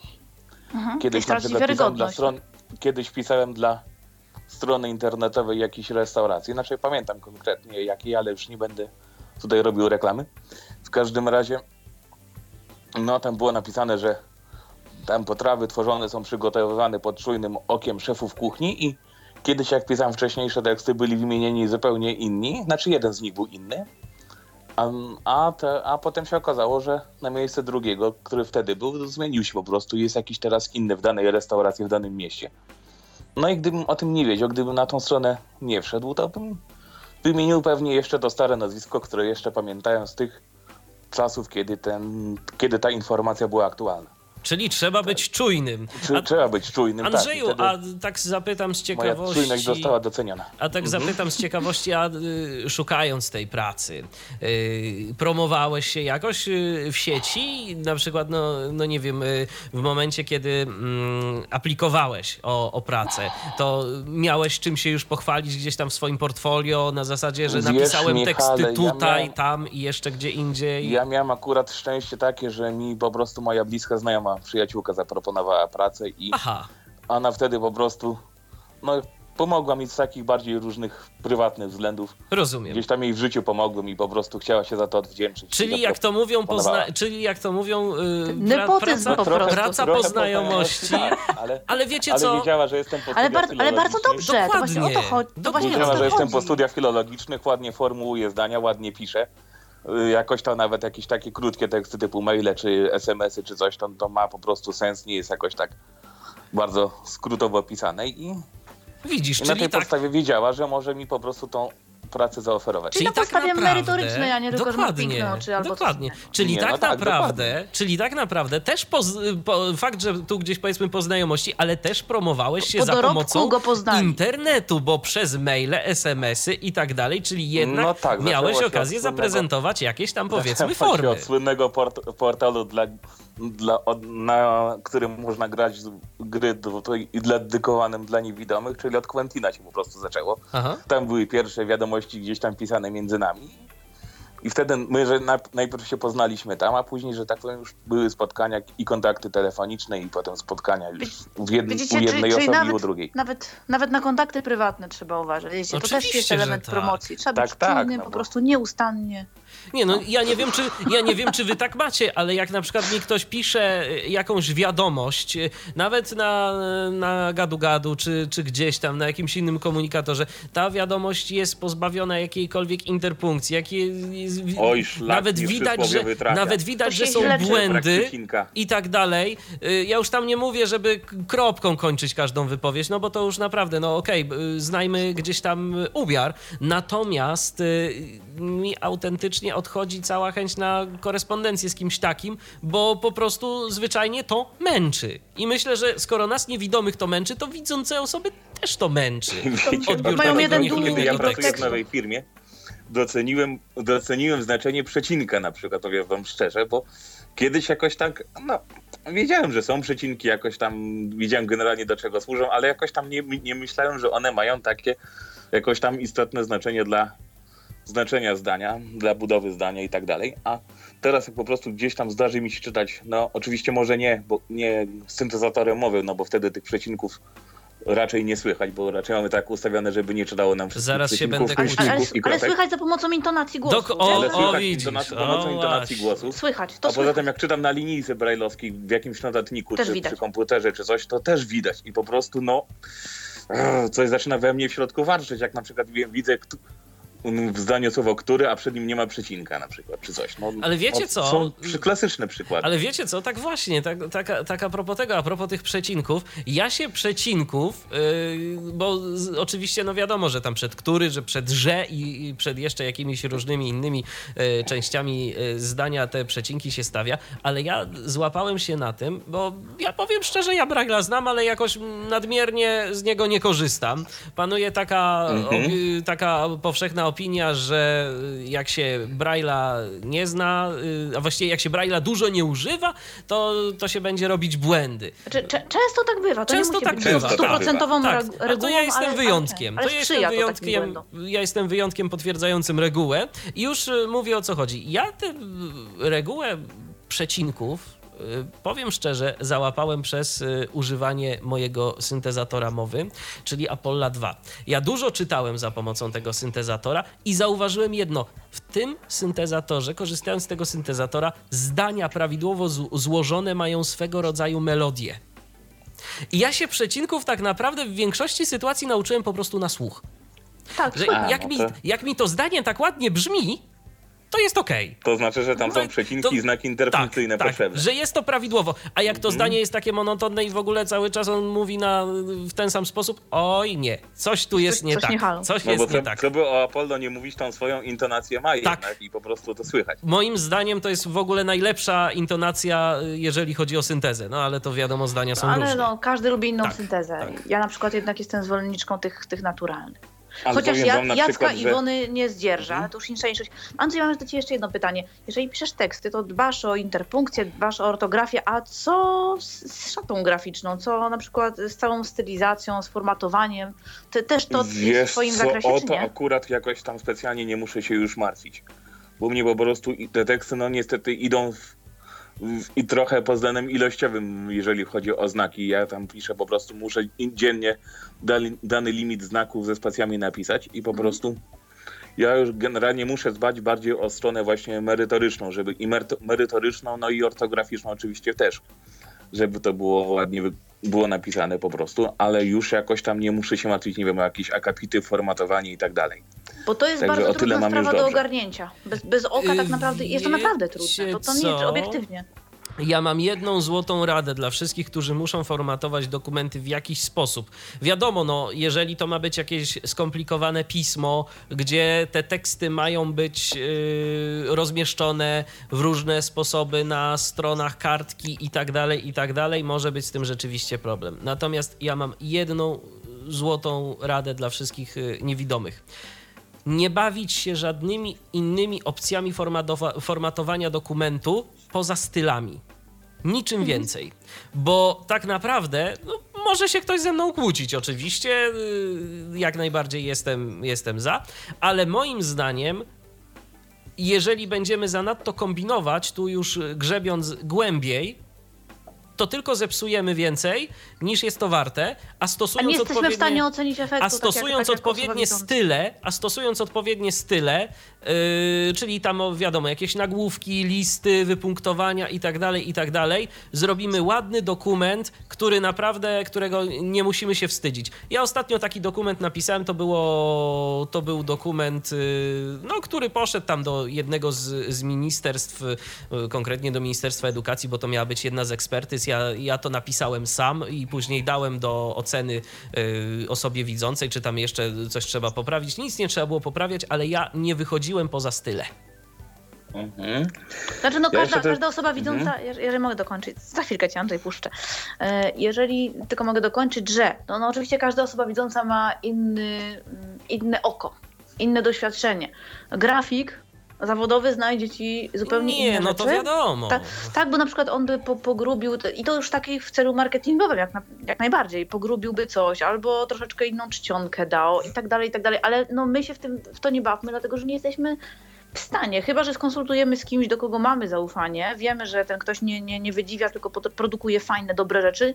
I ktoś nam powie, słuchaj, e, tam gdzie masz, to tu sobie zaznacz i odtąd dotąd możesz zmienić czcionkę na, na tyle i tyle, na taki punkt, na taką czcionkę inną tam, prawda, i tak dalej, dalej, zmienić font.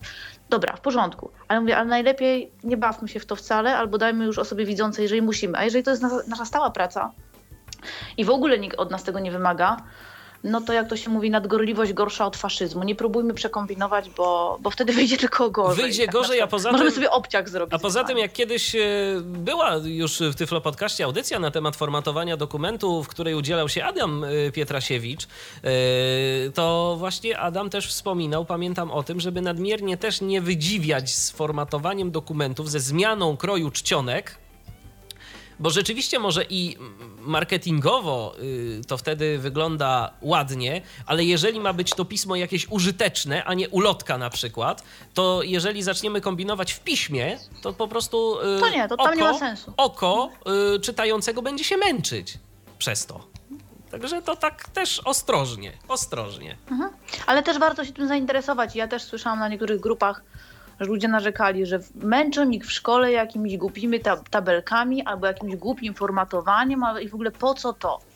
E, To jest bardzo potrzebne. To jest bardzo potrzebne. Dlatego, że żyjemy w środowisku osób widzących. My chcemy, oczekujemy, żeby strony były dostępne, żeby wszystko było też dla nas odpowiednio przygotowane, więc róbmy w miarę możliwości ten ukłon w drugą stronę. Andrzej, y, dokończ to, Ja co, jeszcze co, co chciałeś tylko- powiedzieć. powiedzieć po prostu, że często jak przeglądam strony internetowe, no to też we mnie co, coś mi się w kieszeni otwiera, bo po prostu często na tych, znaczy co jakiś czas przynajmniej widzę na, na stronach internetowych takie błędy w postaci, nie wiem, poprzestawianych liter w wyrazach albo jakichś tyrażących literówkach, no bo nie wiem, A to ktoś może nastawiać na to robią, że bo, bo nie, nie osoba, widzą lu- tekstu osoba widząca tekstu. jak widzi, to może jakoś czyta globalnie, ona takich rzeczy nie zauważa. Ona na przykład jak, jak Skrót w myślowy jakieś litery są poprzestawiane albo ich brakuje, no to syntezator mowy nam to przeczyta, no i po prostu od razu dla niej taka wa- wartość takiej informacji, no spada przynajmniej o połowę, jak nie o trzy czwarte. No więc to, To- jest właśnie to coś, coś takiego podobie. też. Coś w podobie powiedziała dwa tygodnie temu pani Elżbieta Ambroziak w audycji o Inglaway, że jeżeli ch- chcemy wybrać dobry kurs języka obcego w internecie, to najpierw zobaczmy, jak jest, jak jest opis po polsku. Jeżeli tam są rażące błędy, to znaczy, że, że to na pewno nie jest Nie warto kurs się dobrze, decydować. dobrze merytorycznie przygotowany. Tak? Zgadza Tak się. jest. Dobrze, to ja dziękuję. Życzę dalszej owocnej audycji. Dzięki za telefon i za podzielenie się. Dzięki. Pozdrawiam. Pozdrawiamy Hej, również. Może teraz o tym Twitterze byś troszkę powiedział, Michał, To bo wiesz, ja tutaj nie mam dobrze, doświadczenia. Dobrze, to ja mogę powiedzieć, e, chyba że jeszcze o coś o grupach, bo skoro zaczęłaś temat, to, to, może, to może skończmy go i później przejdziemy do, do Twittera. Okej, do na Twitterze serwisu. rozumiem nie ma grup. Pytanie laickie, Nie, naprawdę nie. nie, na Twitterze nie ma grup. e, Na Twitterze są, jest to, co Facebook wprowadził jakiś czas temu, czyli tak zwane hasztagi. A, Okej. E, W każdym razie, jeśli chodzi o grupy, możemy się reklamować, możemy uczestniczyć w grupach, e, które łączą ludzi o danym światopoglądzie, czy też pasjonatów. Oczywiście część ludzi traktuje grupy jako pole nabijania się z, no, no, no, no, z całej idei, z innych członków grupy i tak dalej, i tak. I w zależności od tego, czy admin jest ogarnięty, no to albo to przechodzi, albo nie. Albo grupa wygląda jak jeden wielki śmietnik. Y, Generalnie bardziej polecam te zamknięte. Jeżeli, jeżeli chcemy nawiązać ści- ściślejszą współpracę z ludźmi, nie szukajmy sobie lokalnie, w zależności od tego, co kogo interesuje. Przecież jest nawet y, grupa na Facebooku poświęcona na przykład dostępnej technologii. Y, Nie wiem, czy wszyscy wiedzą, ale, ale jest coś takiego i, i też tam można się zapisać, też można czytać o ciekawych rzeczach, mamy newsy na bieżąco. Y, Także jest to warta rzecz wykorzystania, zwłaszcza, że oglądalność naszych postów, czy też prywatnych, czy z, z naszych stron firmowych, tak zwanych tam fan, fanpage'ów, fanpage'y. No, fajnie tak to brzmi, jak się robi końcówkę, nie? A fleksyjność polska jest Tak. zabójcza. W każdym razie oglądalność bardzo mocno wzrasta, bo yy, w ogóle Facebook przygotował też taki kurs darmowy, ale po angielsku, dla ludzi, którzy chcą się posługiwać Facebookiem w celach biznesowych. E, Ale po pierwsze jest po angielsku. To, to już no, dla części uczestników tutaj nie, nie- niekoniecznie.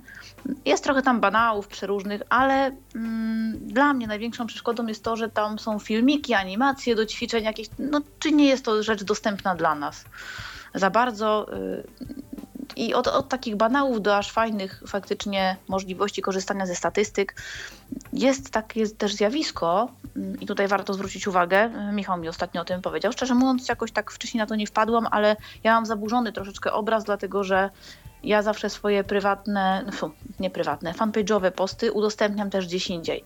I na swojej prywatnej osi, i gdzieś tam na grupach, i jakby no, no dbam o to, żeby to miało jak największą widoczność, więc ja tego nie odczułam.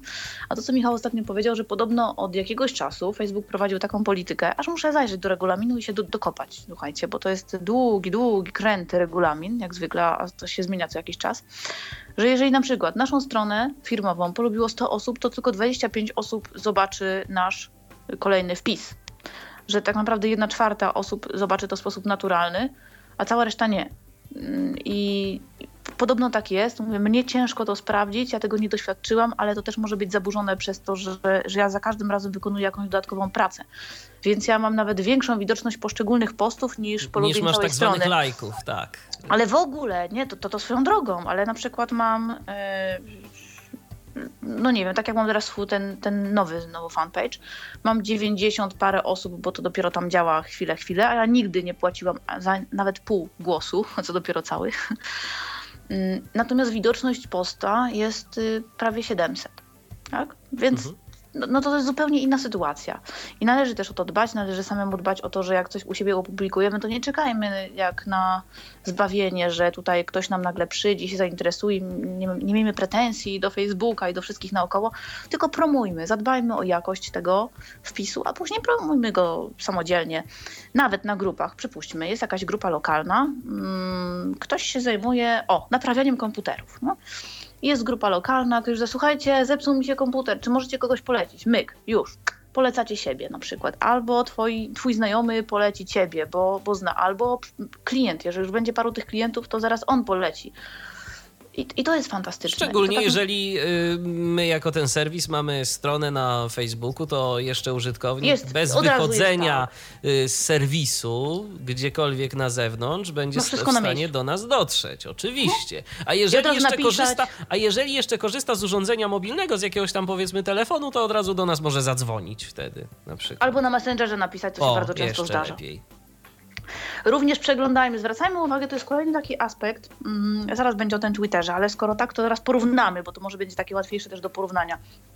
Y, To, że my sami coś prezentujemy, to nie wystarczy. Trzeba się też interesować tym, co prezentują inni, czyli sami musimy się rozglądać, polubiać, komentować, udzielać się, dlatego że jeżeli my nie będziemy zwracać uwagi na innych użytkowników, to on, oni nas też nie będą zwracać uwagi. Jeżeli ktoś nas zaprasza do polubienia strony, a my tak, o dobra, no odwal się, kliknę, a potem przestaje obserwować i nie reaguje w żaden sposób, to ta osoba po jakimś czasie absolutnie nie zareaguje również na zaproszenia z naszej strony.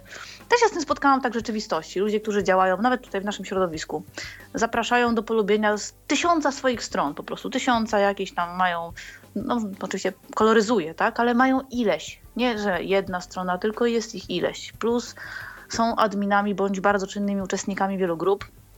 Natomiast sami nigdy niczego z zewnątrz nie polubiają, tylko wykorzystują osoby po to, żeby sobie nabijać. No i automatycznie taka osoba po jakimś czasie zostaje odwalona, przestaje, przestaje się obserwować albo nawet zostaje zablokowana jako jednostka szkodliwa, więc też no, udzielajmy się po prostu, jeżeli chcemy mieć odzew od, ze strony innych ludzi, to też się sami udzielajmy. A jeżeli istnieje tylko taka możliwość, zwłaszcza lokalnie, dlatego ja taki nacisk na te grupy lokalne kładę, bo wtedy możemy się spotykać z tymi ludźmi na żywo i to słuchajcie, y, to tworzy niesamowite kontakty. Potem mamy jakieś tam wspólne zdjęcia ze wspólnych przedsięwzięć, czy to jest organizowanie lokalnej na przykład, nie wiem, imprezy charytatywnej, czy cokolwiek innego, bo możemy się zajmować przeróżnymi, naprawdę przeróżnymi rzeczami, ale później również ci inni ludzie, którzy w tym uczestniczyli, nas oznaczają, nas propagują i, i przez to nasza oglądalność i taka skuteczność, siła przebicia naprawdę bardzo fajnie rośnie. Jesteśmy coraz bardziej widoczni po prostu w tym, y, na tym Facebooku, czy w ogóle w Mhm. jakichkolwiek innych sieciach społecznościowych, bo tak naprawdę mówimy o Facebooku dlatego, że to jest chyba taki największy serwis, y, który skupia użytkowników z całego świata. Wszech, Ale I wszechstronny, i wszechstronny. Nie będziemy mówić o Google Plusie, dlatego że przynajmniej jakiś jeszcze czas temu cały czas był niedostępny, niedostępny, niedostępny w pełni. I ja się zniechęciłam, a teraz już nawet nie miałabym czasu, szczerze mówiąc, na, na to, żeby się jeszcze dodatkowo zajmować. Natomiast y, z Twitterem jest inna sytuacja, y, a mianowicie taka, że Twitter od zawsze był serwisem niezwykle przyjazny dla osób niewidomych. Y, Dlaczego? Z powodu takiego, że jakoś na Twittera powstawało y, już od iluś lat y, sporo całkiem dostępnych i przyjaznych dla nas klientów. Także stworzonych specjalnie z myślą o osobach niewidomych. Na Facebooka nie powstało y, nic poza GW Socialize, y, dedykowanego specjalnie nam. I ten projekt się tak na dobrą sprawę niespecjalnie rozwija. Ale to wynika z w ogóle innych To znaczy, specyfik to znaczy danych. jest coś, jest coś, jest coś, jest coś, jest coś e, friendly for Facebook. Co- Coś ostatnio nawet tutaj jeden z kolegów wrzucał na, na grupę, na Tyflostancję. Ale że to jest coś- na iOS-a? Na iOS-a. A, widzisz, ja mówię o Windowsie. Ja mówię A, o. no to, to od razu mówmy, na jaką platformę. tak, ja, mu, ja mówię o tym, dlatego I w ogóle że. czy wersja, wer- czy, czy wersja też mobilna, czy desktopowa, to też jest bardzo ważne, żebyśmy od razu rozdzielali to, tak? Czy to jest komputer, czy to jest smartfon. Ja mówię o tym dlatego, że y, tak pominąłem tę kwestię mobilną, bo generalnie te aplikacje mobilne są w miarę dostępne. Tak po prostu, z, jakby z automatu. Tam wiadomo, że raz lepiej, raz gorzej, ale, ale to jest y, do ogarnięcia. Natomiast co do y, aplikacji takich desktopowych na Windowsa, no to jest gorzej. Jeżeli mamy do dyspozycji wtedy albo stronę internetową, no albo y, stronę mobilną, tak jak w przypadku Facebooka, y, albo y, no, jakiegoś klienta. No, tak jak mówię, w przypadku mm, Facebooka to jest Socialize, który chyba już nawet nie jest rozwijany. Nie korzystałam nigdy, zawsze ze strony, także... Y, No ja korzystałem, ja nawet kupiłem, bo to oczywiście nie było darmowe, to, to, to, to, było płatne i to w, w abonamencie rocznym stwierdziłem, że raz się poświęcę i wydam. Y, Zresztą nawet audycję zrobiłem na temat tej aplikacji w Tyflo Podcaście, ale później jak Czyli można wygrzebać. tak, ale później jak zaczynało to działać coraz gorzej, to stwierdziłem, że nie, nie będę tego w ogóle przedłużał, bo, bo to szkoda pieniędzy na to. Więc y, korzystam przez stronę z Facebooka. E, A co do Twittera? Y, No, jeżeli chodzi o Twittera, to mamy w czym przebierać, bo i strona internetowa twitter.com jest y, dostępna całkiem nieźle, mm, o czym też się można ze, z, z, ze strony Tyflo Podcastu dowiedzieć, bo tam Rafał robił z, jakiś czas temu Rafał Kiwak audycję na ten temat.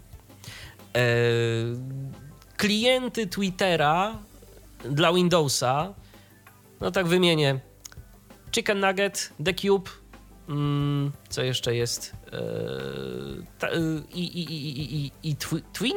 Jakoś tak on się jeszcze nazywa. I TW Blue jest jeszcze coś takiego.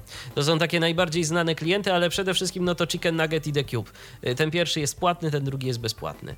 E, I to są, to są najbardziej e, popularne klienty Twittera. Dla nas. Stworzone specjalnie z myślą o niewidomych. A dlaczego klienty, Y, no klienty, y, a nie programy. klienci? Y, A. bo zdaje się, że to się tak odmienia. Tak się, roz, Tak, tak się rozróżnia? tak, Między bo- klientem takim a takim? tak, tak. E, ciekawe Ja to. się przynajmniej z tym spotkałem. Nie, nie, bo aż tak... Bo najpierw myślałam, że Bo, zażartowałeś sobie. nie, a klienty. nie. Ja się spotkałem właśnie z Klienty. odmianą klienty, że to są klienty Twittera. Jeżeli słucha nas profesor Miodek albo ktoś To inny, prosimy a, z, pew- a z pewnością, bo nas Tak, wszyscy słuchają, to spro- wiadomo. ewentualnie można sprostować, jak najbardziej jesteśmy, jesteśmy otwarci na wszelką krytykę. Natomiast wracając do, Na wszelką nie. No, e, merytoryczną. Znaczy w razie czego potrafimy odpowiednio zareagować i też nie ma w tym problemu. Tak. Natomiast y, a propos y, klientów Twittera, tych dostępnych dla nas, y, no to y, tak jak mówię, Chicken Nugget i The Cube, ale dlaczego z Twitterem niewidomi mają mniej problemu? Bo zasada jest prosta. Publikujemy coś, co ma nie więcej niż 140 znaków. W teorii, w praktyce może mieć więcej, jeżeli ktoś korzysta z serwisów zewnętrznych. I to tyle. Można na to odpowiedzieć, można na to, yy, można tam dać tak zwanego hashtaga, czyli jakieś słowo klucz, pod którym się toczy jakaś dyskusja i co sobie można obserwować. Można to, można to podać dalej, jak to się mówi, yy, z jakimś komentarzem lub też bez. Ale jest to też opatrywane grafiką, bo, bo nieraz widzę udostępnienia z Twittera na Facebooka, że, że ktoś wrzuca i jest to też z grafiką. Yy, Wiesz co, bo można chyba jakoś dołączać yy, do tego grafikę albo wysyłać yy, linki po prostu do grafiki, które automatycznie są wtedy konwertowalne i są, i są, wiesz, i są, i są wyświetlane jako grafiki, bo Twitter chyba to potrafi rozpoznawać. Ale powiem szczerze, nie wiem, bo yy, szczerze mówiąc, yy, tak jak omijam yy, skrzętnie i nawet sobie na Facebooku wyłączyłem, tylko że to niewiele daje, pokazywanie zdjęć. E, tak, e, no na Twitterze, jak mi ktoś, że tam jakiś imgurl, com i tak dalej, i tak dalej, czyli takie Mhm. najbardziej popularne rzeczy związane z grafiką i, i ktoś jeszcze tam napisze, haha, ale fajne, no to co? To, O, uwielbiam to. Tak. I w ogóle ca y, cała treść tak naprawdę jest bitmapą. Dokładnie. To jest cudowne, a pod spodem się toczy dyskusja nie wiadomo o I nie czym. wiadomo, o o, o zdjęciu, na którym jest y, z naszego punktu widzenia nic. Oczywiście. Więc ja to, więc ja to omijam, y, tego typu rzeczy i co do y, samych y, zdjęć, tu się więcej nie wypowiem. Natomiast można, co dla nas jest y, fajne i co działa w klientach Twittera mm, dostępnych dla nas, dołączać materiały audio. Można coś Hmm. nagrać, albo można się podzielić jakimś linkiem do. A jakie formaty tam są? Y, Na pewno MP3, zdaje się, że też OGG i współpracują, y, na przykład współpracuje Chicken Nugget z SoundCloudem, o ile dobrze pamiętam. Aha, czyli że całe Tak, źródła też tak, możemy tak, wrzucać tak, sobie tak, z tak. OGG.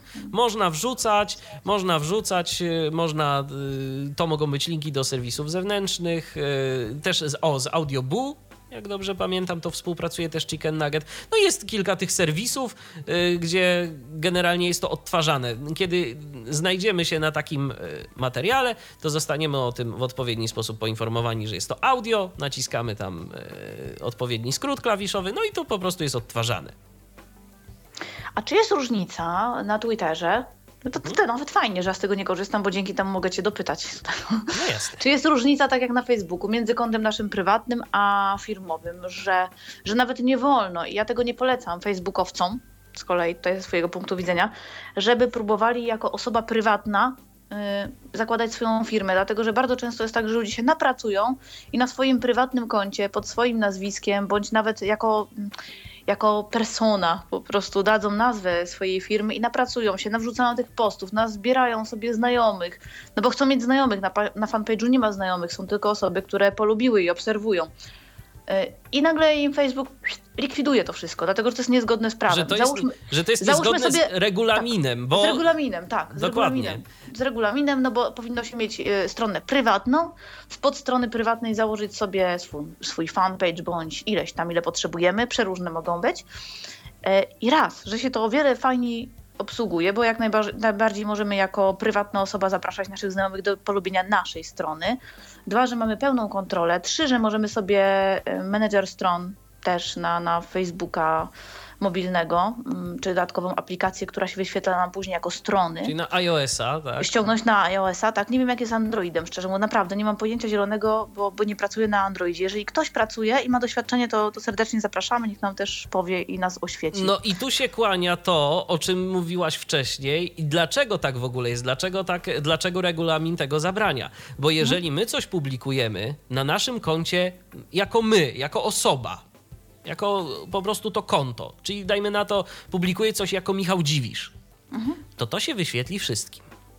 Natomiast jeżeli ja, jako Michał Dziwisz, administrator strony Tyflo Podcast, opublikuję coś e, na tej stronie, to to się To wyświetli tylko część tylko części.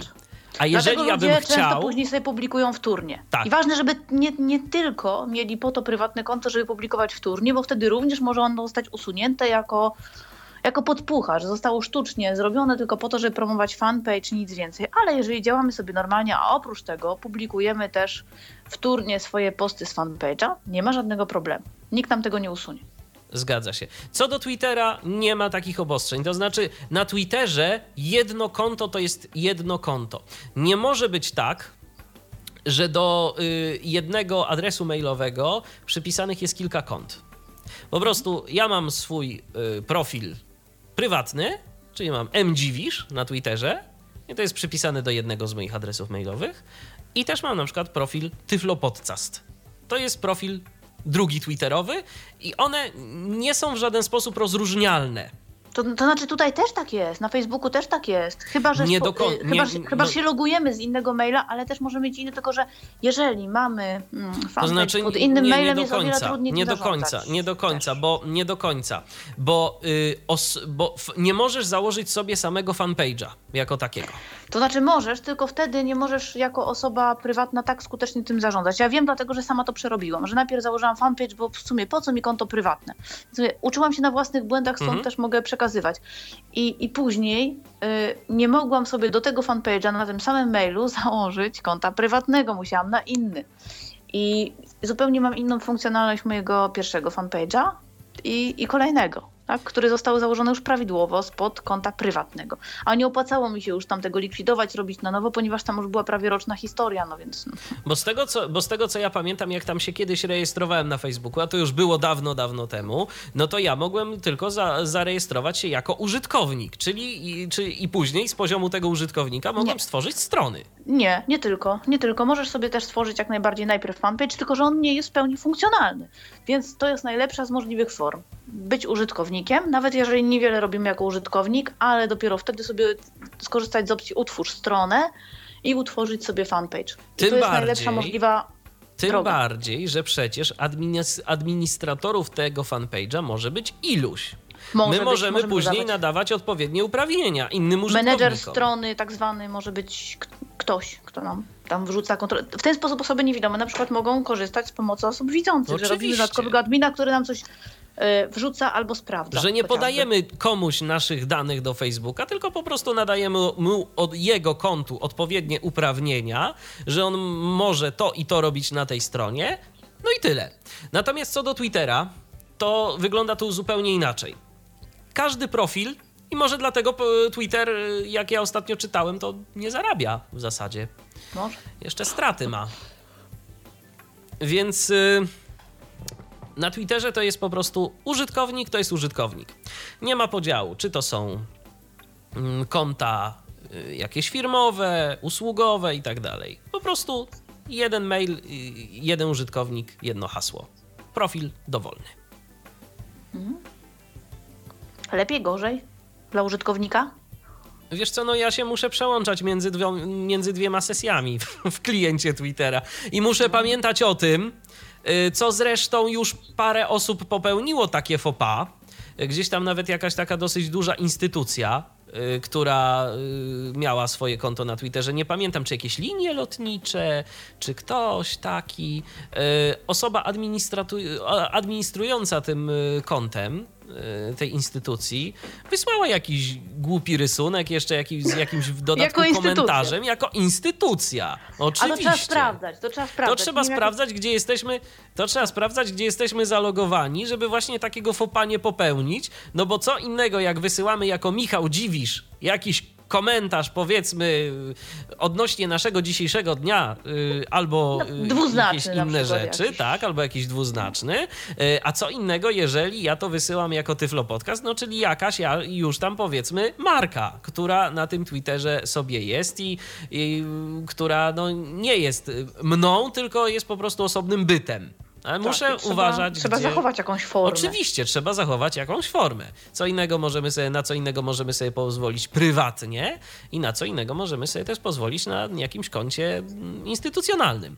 Natomiast te, te konta jakby funkcjonalnie nie różnią się niczym. Możemy także śledzić osoby, osoby mogą śledzić nas, to oczywiście też tam możemy sobie prywa, opcje prywatności ustawiać, czy to, co my publikujemy ma być widoczne dla wszystkich, y, czy, tylko dla tych, którzy nas śledzą i tak dalej, i tak dalej. Tam tych opcji różnych też jest troszeczkę, jeżeli chodzi o prywatność. Natomiast jeszcze jedną taką funkcją Twittera, y, która jest y, i może być y, też gdzieś tam powiedzmy wykorzystywana, no to są jeszcze wiadomości prywatne. Też możemy sobie wysyłać wiadomości prywatne. Mm, Natomiast rozbawiło mnie ostatnio, bo czytałem na Facebooku właśnie, mm, z linka na Facebooku o Twitterze. I to też udostępniłem nawet. E, Jedna strona pisała, że jedna taka y, firma polska, oddział jakiejś tam korporacji farmaceutycznej, stworzył sobie własny regulamin y, korzystania z ich Twittera. Jeżeli O! ktoś, tak, jeżeli ktoś, to takim no, ktoś się tam napracował, bo to ileś tam stron było mm, tego regulaminu, no i tam takie jakieś bardzo napuszone różne frazesy. Fajne, ale fajne to w ogóle, ale fajne. To, to ja muszę stworzyć jakiś taki regulamin, na przykład dla swoich znajomych na fejsie, bo to... Dokładnie. Chociażby, chociażby. To możesz. Py pytanie, czy ktoś się będzie stosował, oczywiście. A będzie się stosował, bo to będzie atrakcyjne.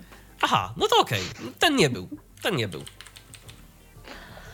Nie był zresztą regulaminu, to jest w ogóle moja ulubiona działka. Kiedyś, jak pamiętamy, regulamin polskiego jak najbardziej Face- Facebooka był wyłącznie po angielsku, chyba teraz to już jest zmienione, nie? ale kilka lat temu jeszcze użytkownik, który miał się zapoznać z owym regulaminem, musiał go przyswoić w języku angielskim, bo nie było polskiej No ja wersji. się rejestrowałem na Facebooku wtedy, kiedy właśnie tak było. To wcale nie było tak dawno, szczerze mówiąc. No ja Parę się- lat temu było. No ja się na Facebooku, czekaj, kiedy ja się rejestrowałem na Facebooku? A, 2009 rok? 10? No. Jakoś Nie, to tak. myślę, że to dłużej. To myślę, że to dłużej trwało. To też takie swoją drogą no, fajne rozwiązanie dostępnościowe, nie? Mhm. Też z punktu widzenia wszystkich, nie tylko absolutnie niewidomych, tylko, tylko, Tylko w ogóle, to bardziej w ogóle użyteczności. Użyteczności Tak, publicznej, szeroko pojętej. oczywiście. E, jeszcze chciałam trochę pogadać sobie o, znaczy sobie, tam wam pogadać tam. Sobie to ja mogę tak bez sensu do, do lustra i tak nie skorzystam, bo tam nie wiem, co się odbija nawet. Ale chciałam pogadać o pozycjonowaniu jako takim, bo troszkę mówiliśmy o grupach, y, o listach również, o... No tutaj myślę, że możemy poruszać temat na przykład Whatsappa, na którym coraz więcej jest grup, przedtem do 50, obecnie do 100 osób może być na grupie. I też pamiętajmy, to co wysyłamy sobie, nawet y, ciemną nocą gdzieś na grupę, potencjalnie może dotrzeć do wszystkich. Środowisko niewidomych akurat tutaj troszkę mniej odbiera, dlatego że jednak y, kursor pływa i tam nie wszystkie te wiadomości przepływają, y, nie, nie każdy wszystkiego wysłucha, bo nie da rady zwyczajnie, bo to przeskakuje. A jak się tego nagromadzi więcej, no to to niekoniecznie, ale to jest też jest coś, co- irytujące. ale to te, bardzo irytujące, ale to jest też coś zostaje. To jest też coś, co, co może zostać udostępnione osobom trzecim. Mm, Bo nie da się i tego zablokować w żaden sposób. Każdą wiadomość można przesłać dalej. Można przesłać dalej, można przesłać dalej, więc tak naprawdę też uważajmy. Do Natomiast e, zapytam od razu, bo może ty będziesz wiedziała coś więcej a propos tego, może Mhm. gdzieś tam w innym środowisku się obracasz. E, ale pytanie moje jest następujące. Czy y, z grup WhatsAppowych, czy ty się zetknęłaś y, z takich grup, gdzie sobie ludzie gadają? Y, Czy ty się zetknęłaś, żeby z tego ktoś korzystał prócz niewidomych? Oczywiście. Oczywiście, że korzystają. Tak, tak, to jest w ogóle fantastyczne narzędzie przy różnych projektach. Jeżeli ludzie działają w, w jakimś tam obrębie, mm, no nie wiem, zajmują się na przykład jakąś działalnością charytatywną, albo to jest stowarzyszenie wokół jakiejś szkoły, stowarzyszenie rodziców, e, czy też przyjaciół kogoś tam, czegoś tam, jakiejś idei. Korzystają jak najbardziej, bo to jest bardzo fajne, praktyczne narzędzie. Naprawdę o wiele szybciej jest nacisnąć sobie ten, ten guzik i pogadać nawet w biegu. Ja często coś robię jedną ręką, a drugą naciskam przycisk, przytrzymuję i, i szybko komuś przekażę informację, niż jakieś gadanie, klepanie, ponieważ wiadomości audio w iMessage są tak słabej jakości, żeby, Oj, nie użyć, żeby, żeby nie użyć na antenie słowa adekwatnego, więc słabej jakości, to oczywiście w tym momencie ten WhatsApp y, ratuje całą sytuację, bo tu naprawdę można fajnie mm, przekazać coś szybko, sprawnie. Jak też, jak też można przekazywać treści multimedialne, które są ładnie przesy przesyłane, leciutkie są, bo te zdjęcia czy jakieś tam inne multimedia, jakie przesyłamy, e, są kompresowane, ale nie jakoś niezdrowo, spokojnie do odbioru, natomiast są leciutkie i bardzo fajnie przechodzą.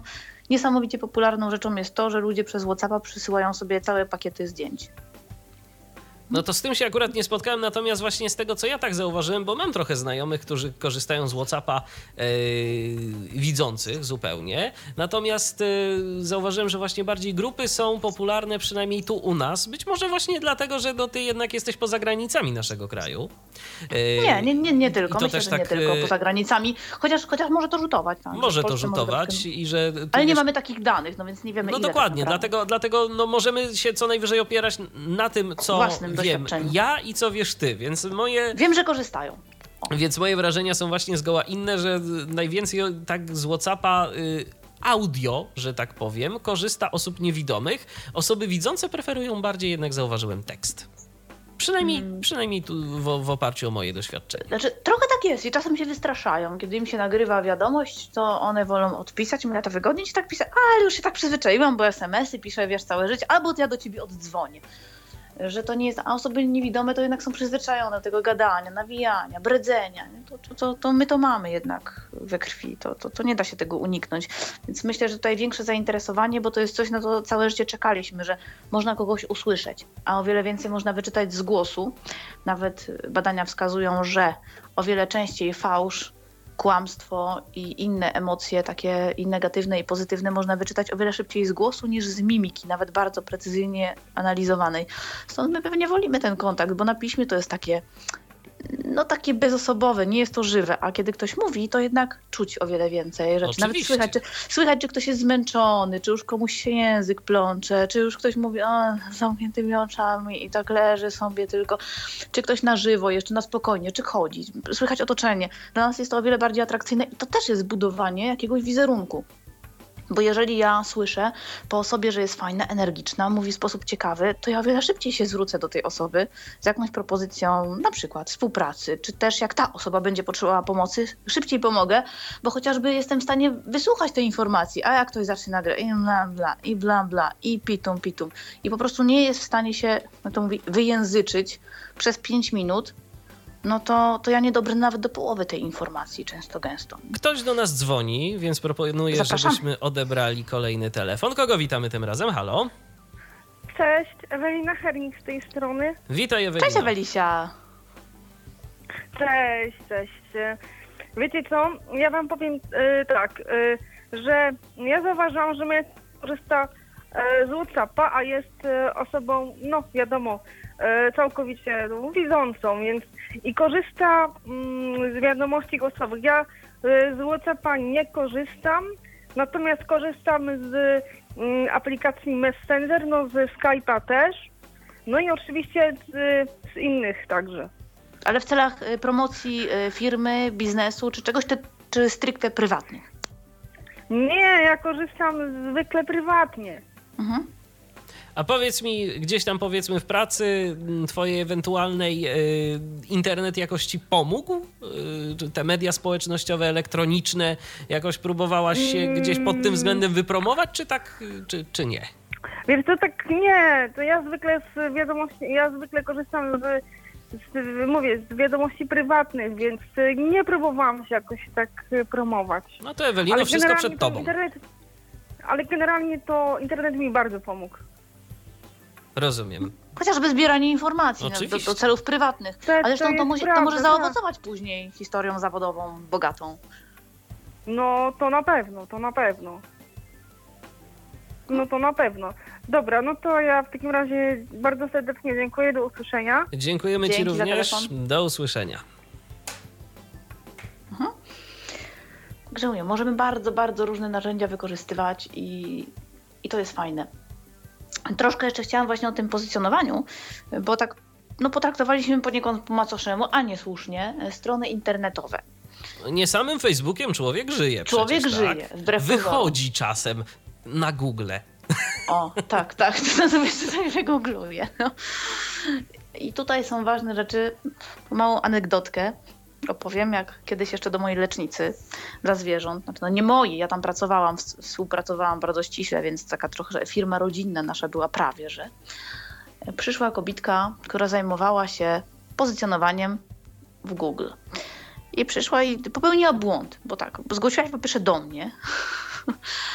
Powiedziała, że teraz oni mają taki prikaz od góry, żeby, żeby promować weterynarię w ogóle, że taki, taki projekt cały jest.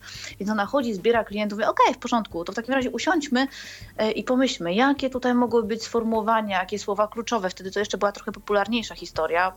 Teraz już same słowa kluczowe aż tyle nie znaczą, co, co różne inne rzeczy. Co content, Na przykład content, tak, i headline. czyli tak zawartość. tak, tak. tak. E, Podobnie właśnie e, nagłówki, tytuły same, w ogóle przeróżne, przeróżne rzeczy, włącznie z naszymi opisami, których za chwilkę, opisy do zdjęć, dlaczego warto robić teksty alternatywne, nie tylko pod kątem osób niewidomych, tylko właśnie jak najbardziej pod kątem osób widzących, a po to, żeby wyszukiwarki, które Pod też kątem są... największego niewidomego świata, czyli Świata- robota Google. O, o, i on doskonale po prostu pozycjonuje opisy, te, te alternatywne teksty do zdjęć. Więc to jest bardzo ważne, żeby to umieszczać, bo, bo się to opłaca wszystkim. A no i, Oczywiście- tak, i tak, jeszcze, tak jeszcze, y, zanim opowiesz tę historię, to Tak. powiem y, ciekawostkę, która myślę, że część osób ucieszy, zwłaszcza użytkowników iPhone'ów. Ale zresztą myślę, że nie tylko. Otóż y, z tego, co czytałem ostatnio, bodajże od 21 kwietnia Google wprowadza nowy wskaźnik do swojego takiego indeksu pozycjonującego i strony, które będą zawierać flash, będą znacznie niżej punktowane. Więc jeżeli ktoś, więc jeżeli ktoś chce... I nasza loża szyderców Tak. już się cieszy. Tak, więc jeżeli ktoś chce być nisko y, w Google'ach, to... To niech się bawi To flashem. niech się bawi flashem, tak, który zachęcamy. jest niedostępny albo bardzo razie- ciężko dostępny. W każdym razie pani przyszła, rozłożyła sobie swojego laptopa e, i zaczęła mi oczywiście opowiadać, jakie to ważne jest pozycjonowanie. Ja pokornie wysłuchałam wszystkiego, jakże. Nie wie pani co, bo ja, ja mam taką stronę tam właściwie, ja nie wiem, czy ona jest dobra, czy niedobra. Sobie wybrałam jakieś hasła, jakieś słowa kluczowe. Jakby można było sprawdzić, tak, tak kilka chociaż, nie? Jakichś różnych rzeczy. I ona mi to wszystko pięknie posprawdzała. Oczywiście są do tego też osobne narzędzia, mm, ale wtedy to, to było ładnych ileś lat temu. Y, To, to jeszcze nie wiedziałam, że można sobie to samodzielnie, że są te narzędzia webmasterskie. Nie było w ogóle wtedy jeszcze całego e, no, zarządzania poprzez chociażby konto Gmail, gdzie tam można sobie podpinać. Google śledzić i- Analytics na przykład. o, na przykład, doskonałe narzędzie, wspaniałe. Nie było tego jeszcze. Wtedy przynajmniej no, dla mnie to była na pewno czarna magia, a tych narzędzi jeszcze nie wprowadzono. Tak. I- I pani mi wszystko pięknie wtedy posprawdzała. E, Podziękowałam jej i mówi, no to tak, to dobrze, to w takim razie możemy się umówić. Tak, bo pani jest taka zadowolona. E, 2,5 złotego od jednego kliknięcia będzie. Ja mówię, pani co? Mówię, tak szczerze, nie życzę pani takich klientów jak ja, bo ja akurat właśnie wszystkiego dowiedziałam się podczas tej konsultacji od pani, co chciałam wiedzieć. Mówię, bardzo pani serdecznie dziękuję. Natomiast y, no, mm, ja już nie potrzebuję więcej tej pomocy. Ja i tak mam y, dobre, myślę, że będę miała za chwilkę jeszcze lepsze pozycjonowanie niż w tej chwili, więc jeżeli pani mnie celowo nie zbanuje, to pani zaczęła się śmiać i mówi, wie pani co, nawet mi nigdy nie przyszło do głowy, że zwłaszcza osoba niewidoma może być e, złym klientem w tym kontekście, tak? No bo taki cudzysłów należy dać. E, że, że w ogóle będzie analizować cokolwiek. Wydawało się, że taki łatwy klient będzie. A tu Po proszę, prostu, bo nic nie potrafi samemu zrobić. a tu niespodzianka. Więc z całej lecznicy najchętniej mnie wybrała tu do współpracy, bo wydawało się, że tak będzie najłatwiej. A poza tym ja przejawiałam największe zainteresowanie. No, to po, a później się okazało, dlaczego... miałam w tym biznes. Tak, dlaczego ty to zainteresowanie przejawiałaś? Więc mówię, często my się naprawdę interesujemy i analizujemy takie rzeczy, które by widzącym do głowy nie przyszło, bo, bo cały czas musimy się koncentrować na rzeczywistości. I tu się, tu się tutaj też to przydaje, tak? Zarówno właśnie w pozycjonowaniu, ale to, co jest teraz ważne, bo przedtem się mówi zawsze słowa kluczowe.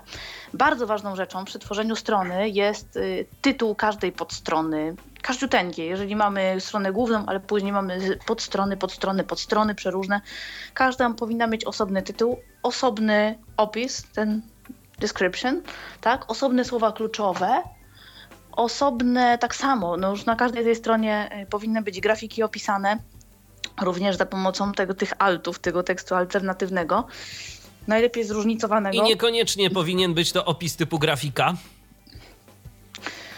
E, to znaczy, to jest jeszcze coś innego, dlatego że masz jeden opis, który, e, który mm, daje znać nam o tym, co to jest za obiekt. I tam sobie wprowadza, że to jest grafika. Natomiast tytuł, znaczy, fu, przepraszam, to jest właśnie tytuł. To jest właśnie tytuł obiektu. Tak? Mhm.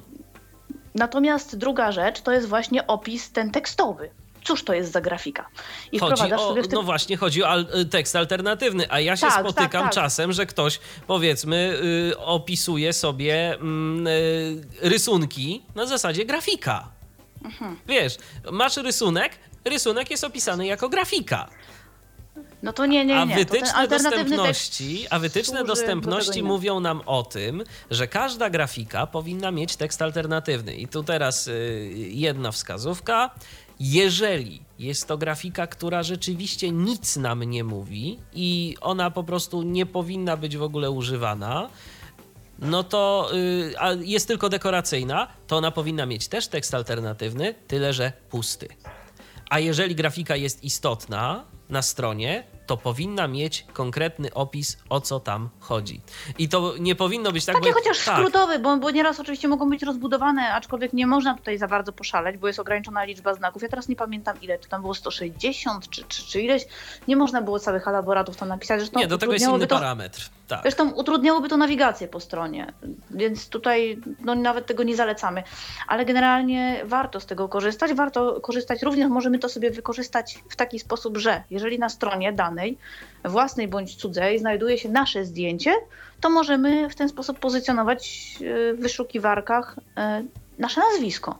Podpisując się też na przykład na tym zdjęciu jest Michał Dziwisz, coś tam, coś tam, coś tam dalej, coś tam robiący. Czy, no, Tak, nieważne, natomiast, tak? Nieważne jakie to natomiast, będzie y, zdjęcie. Natomiast czego się należy wystrzegać, to tego, y, żeby mm, te grafiki były tylko i wyłącznie ze względu na słowa kluczowe, bo już kiedyś się spotkałem z taką sytuacją, że jakiś na przykład, nie wiem, producent opon samochodowych y, wrzucał sobie bodajże właśnie y, rysunki, jakiekolwiek, no cokolwiek tam by było, ale w, w, we wszystkim y, mm, związanych z, w- związanym z rysunkami miał alty typu najlepsze opony samochodowe, powiedzmy Wrocław. Nie, nie, to od razu nie, zostaje to- wychwytywane. Tak, to i na- zostaje i nasz- wychwycone. Nasz, I nasz rating spada i to bardzo gwałtownie, bo jesteśmy na przykład y, totalnie wypinani, w ogóle banowani przez roboty. Y, poza tym, mówię, sama treść. Jeżeli opis, tytuł strony, mm, opis, słowa kluczowe nie będą się kompletnie zgadzały z treścią, bo na przykład jeszcze nie zdążymy jej przygotować, albo będzie coś innego, bo my dopiero przygotujemy, mamy w planach, mamy bardzo szerokie plany, ale zdążyliśmy przygotować coś całkiem innego i bardzo w ograniczonym zakresie, to również są tak zwane słowa kluczowe wyciągane z treści strony i one są o wiele bardziej ważne dla pozycjonowania naszej strony niż to, co my sami zamieścimy. No bo Google wychodzi z założenia, a głównie tutaj o Google mówimy, no bo to jednak jest potentat, to, no, to prawie że monopolista w tym momencie. Tak?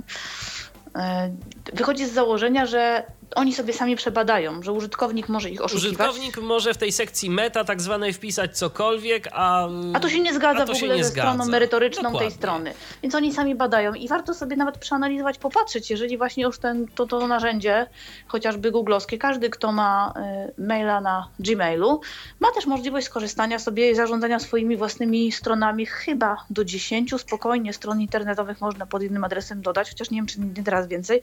I można sobie też analizować. Wtedy możemy patrzeć, kto nam skąd wszedł w ogóle o danym czasie, ile jakie mamy słowa, wejść. kluczo, jakie słowa Jakich słów kluczowe kluczowych użył na użył dokładnie. I, I dlatego też, dlatego też... yy, To tak- są bardzo ważne tak, podpowiedzi ja dla się nas na na przykład, przyszłość. Ja się na przykład spotkałem kiedyś z takim zarzutem, że ja tak często podaję y, login fonetycznie naszego Skype'a. Jak y, się, y, że, że, no przecież to wszyscy wiedzą.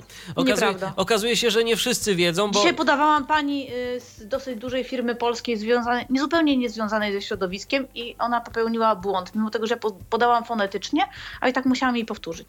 Dokładnie, także, także naprawdę nie wszyscy wiedzą yy, i warto yy, to mieć yy, tego świadomość. Tak, i rzeczywiście tam w statystykach Google, w Google Analytics yy, są różne fajne rzeczy, typu skąd ktoś nas yy, odwiedził, jaka była strona. O, to też jest fajne. Z jakiej strony Z jakiej wszedł strony, z jakiej strony wszedł, bo na przykład wtedy wiemy, czy ktoś, yy, czy są jakieś interesujące strony, mm, które nas yy, promują.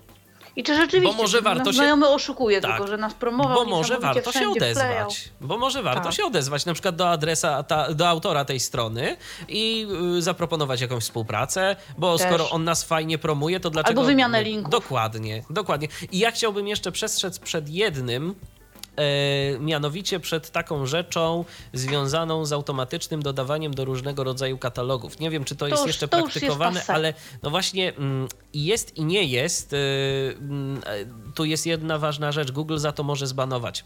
Są takie mm, różnego rodzaju katalogi, do których można dodawać się automatycznie.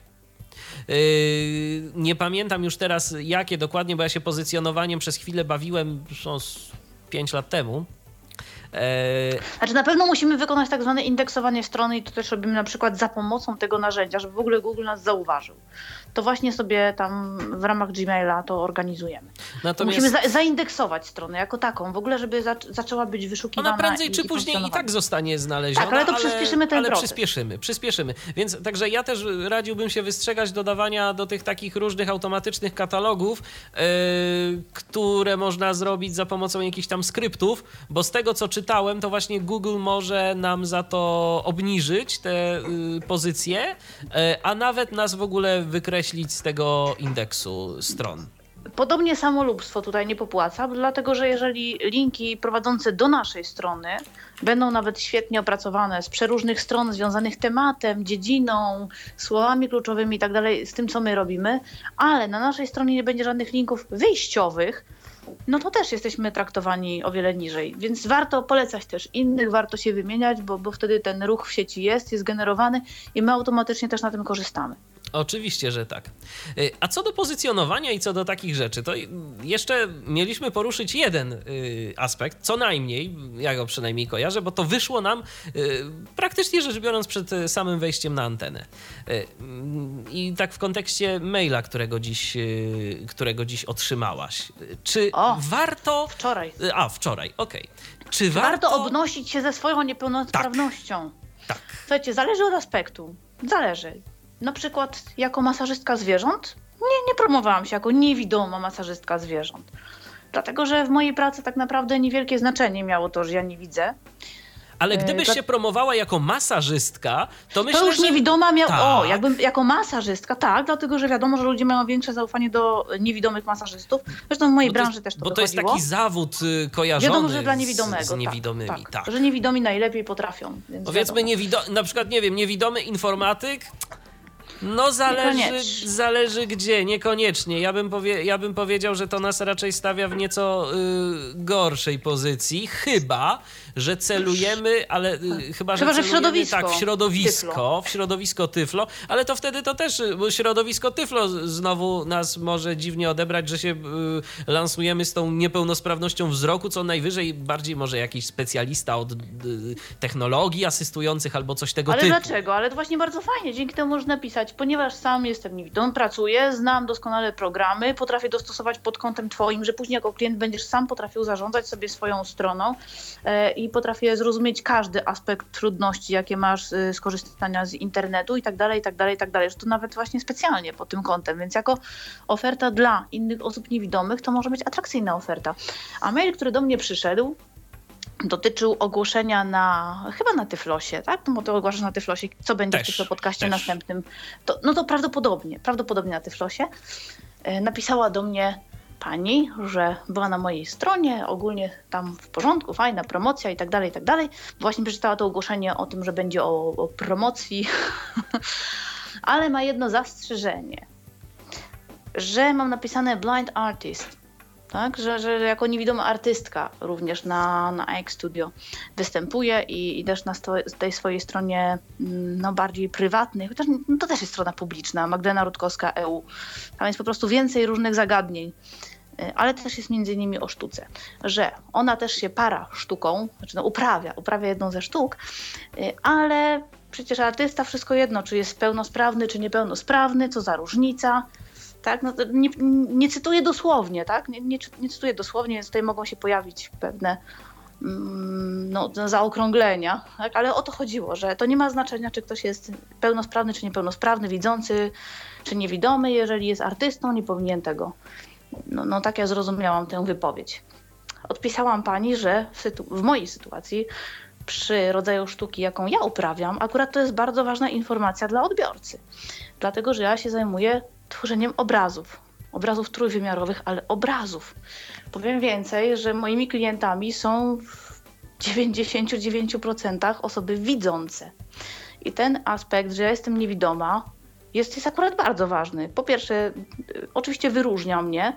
Ja nie promuję się przez różne organizacje dla niepełnosprawnych, przez różne jakieś tam charytatywne y, firmy, akcje i tak dalej, tak dalej, tylko, tylko tak w tak zwanym mainstreamie raczej. Y, Po pierwsze, to jest mój taki znak rozpoznawczy. Po drugie, klient, który do mnie dzwoni, mówi, pani co, mm, fajnie, tak jak jej pani obraz zrobiła, y, to ja bym przesłał zdjęcie, bo mnie by się przydało do salonu. A pani przyszły zdjęcie, proszę mi takie coś właśnie, żeby mi tutaj do dekoracji pasowało. Co ja mam zrobić w tym momencie jako osoba niewidoma? Na przykład. Albo e, czy mogłaby pani wykonać e, no, no taki obraz, bo, bo to nawet był w podobie taki wzór, e, jak symbol czegoś. Słuchajcie, ja naprawdę nie mam zielonego pojęcia, jak wygląda symbol czegoś. Jeżeli zrobiłam coś w podobie, to było najczęściej przez przypadek. I oczywiście są możliwe, są możliwe, bo ja część rzeczy pamiętam, kiedy byłam dzieckiem, to, to widziałam różne rzeczy. Z częścią się zapoznawałam później e, w jakiś tam sposób. e, No, wiele elementów mam oczywiście typowo wzięte z mojej głowy, gdzieś tam z wyobraźni, tylko i wyłącznie. No pewnie, że może Ameryki nie odkrywam, ale, ale jak ktoś mi często mówi, że o, bo teraz ten obraz to jest bardzo podobny do czegoś. W życiu nie widziałam tego obrazu, do, do, do którego jest podobny mójże styl na przykład. Tak? Od Że- styl- przypadek. Że prostu. od przypadek. No tak mi się w głowie tam uroiło i ja zrobiłam. I nie jestem w stanie w tym momencie komuś y, wiernie oddać czegoś, bo on sobie akurat życzy. Czasem jest to możliwe.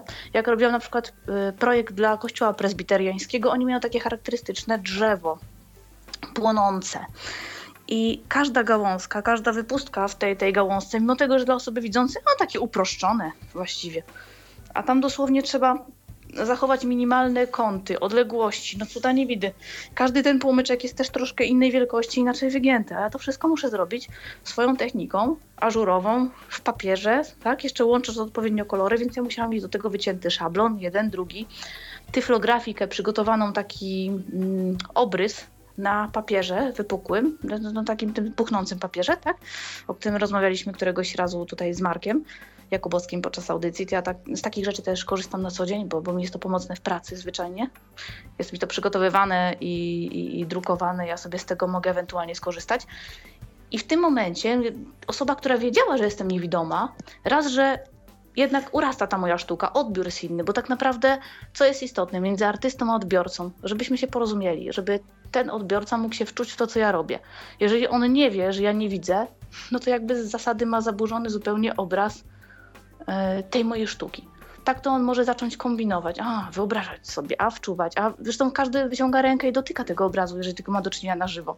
Za chwilę też będę miała wystawę, to, to jeszcze fajniej, będę mogła wam dać no, taką głębszą relację. Nie, żeby się jakoś straszliwie lansować i chwalić, chociaż dzisiaj właściwie trochę audycja o tym jest, jak każdy z nas może się lansować, ale no, troszkę mnie ten mail sprowokował, bo uważam, że to jest niesłuszne podejście.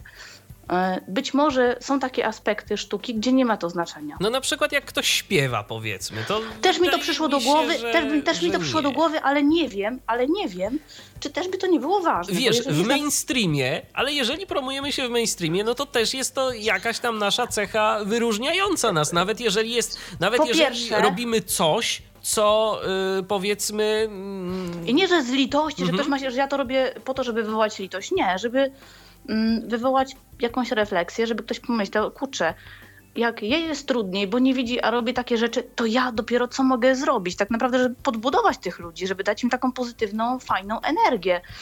Ja myślę, że jeśli chodzi o ludzi śpiewających, to z jednej strony tak, oczywiście, no to właściwie to nie ma różnicy, ale z drugiej strony jest różnica. Jest różnica, jeśli chodzi o współpracę z zespołem, bo nie zobaczysz na przykład, jeżeli ktoś śpiewa z orkiestrą, nie zobaczysz dyrygenta, musisz polegać na innych rzeczach. E, Nie możesz korzystać z nut sobie, nawet no chyba, że z powiększonych, jeżeli ktoś słabo widzi, ale tak tam musi się uczyć na pamięć albo braillem. E, Tak samo jakaś trasa koncertowa, no wymaga to troszkę in, ruch sceniczny, inne rzeczy, więc tutaj też moim zdaniem jest No ważne. tak, też nie można teraz, tego szczególnie, teraz szczególnie wziąwszy pod uwagę to, że obecnie mm, szczególnie ta muzyka taka popularna, jeżeli ktoś by szedł w ten, y, w tym Więc kierunku, ukrywanie się, a dlaczego to jest się... dużo, dlaczego to mamy się dużo, wstydzić to jest tego, dużo nie właśnie widzimy? takiego, y, takiej gry scenicznej gdzieś tam, że teraz y, to coraz mniej uwagi przywiązuje się do muzyki jako takiej, a do tego, co tam się dzieje wizualnie na tej scenie, jak tam, jakie tam są te różne choreografie i tak dalej, i tak dalej. No i tu, jeżeli ktoś nie widząc by sobie z tym poradził, nawet z gronem, jakimś tam sztabem Ale po co ma udowadniać, że, to... że nie jest wielbłądem? Przepraszam, dlaczego ma się wstydzić tego, że nie widzi? Nie, to znaczy wiesz, ja myślę, że ja myślę, że tu bardziej chodzi o to, o to gdzieś tam podkreślenie tego. Żeby tak? się nie promować na niewidzeniu, Tak, ale ja się promuję swoimi pracami. To jest tylko dodatkowa informacja, która jest uważam potrzebna, która ludzi dodatkowo interesuje. Jak mam takie eventy na żywo, gdzie pokazuję moją pracę, to ludzie podchodzą, pytają, oglądają, proszą, a jak zostało to wykonane, a jak zostało tamto, a w jaki sposób.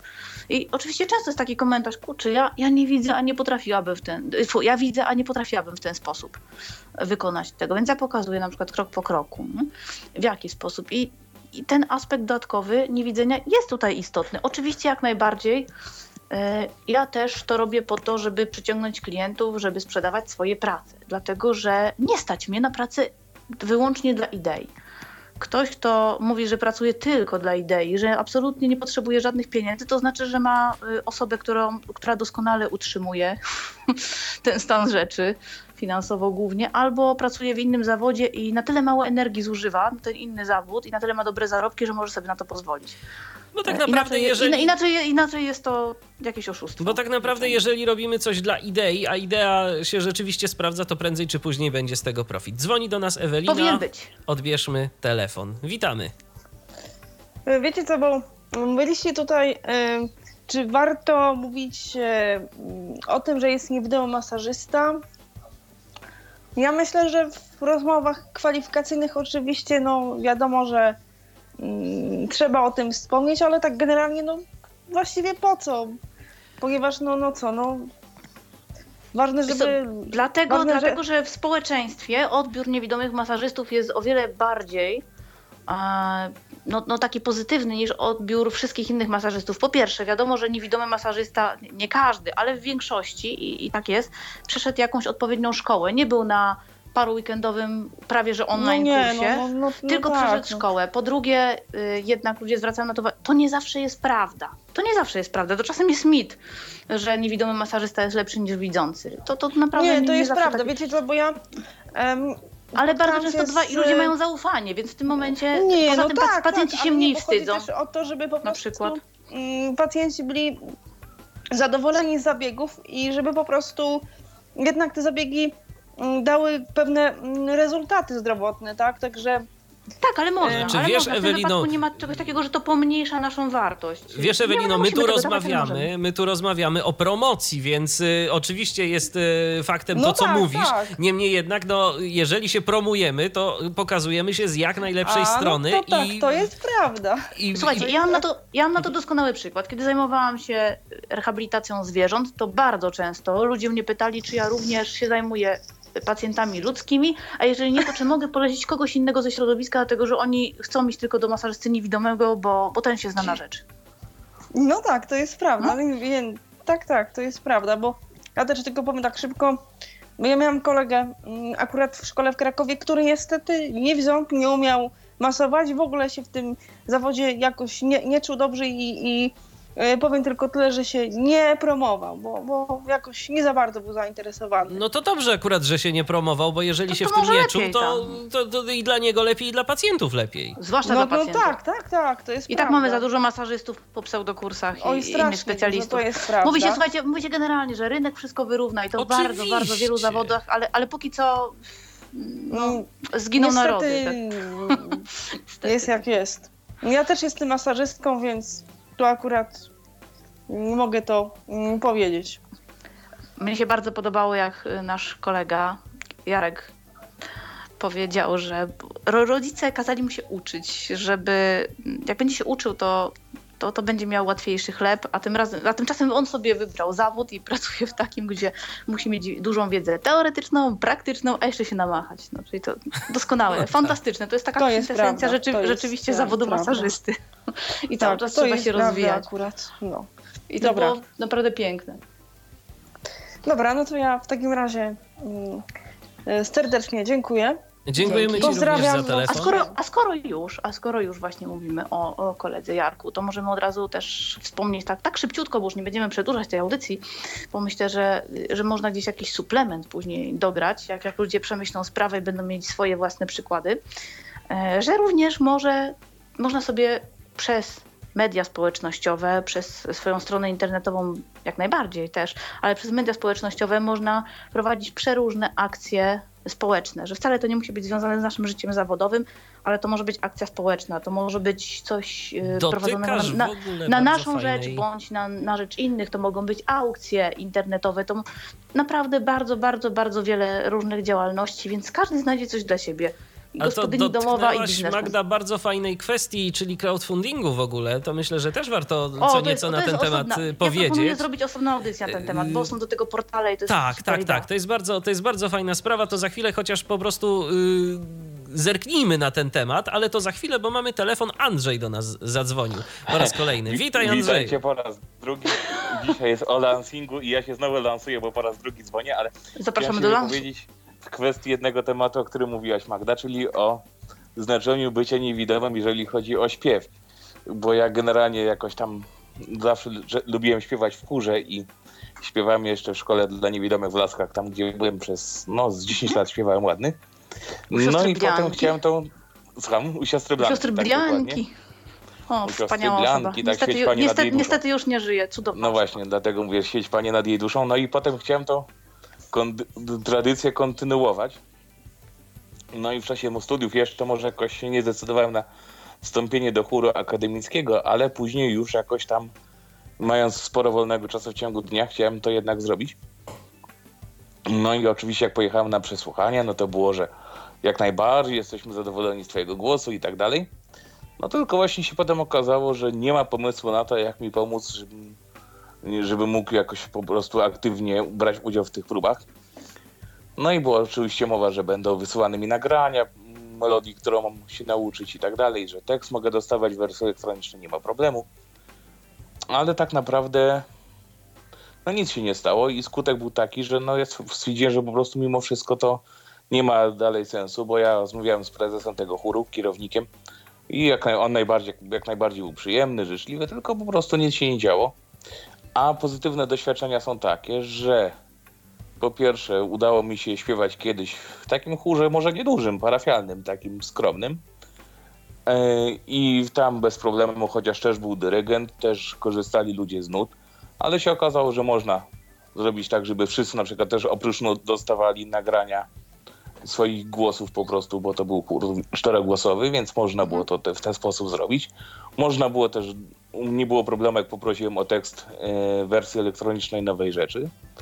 I też nie było problemu, także Teraz jest, teraz jest łatwiej, bo można sobie nawet nieraz to po prostu ściągnąć z internetu albo szybko przesłać No można, tak, wersje elektroniczne i tu zocerować. tu coś, gdzieś, to, tu, to też są tu, narzędzia. tu, tu coś na Dropboxa można wrzucić, jakieś, Tak. jakieś nagrania czy coś.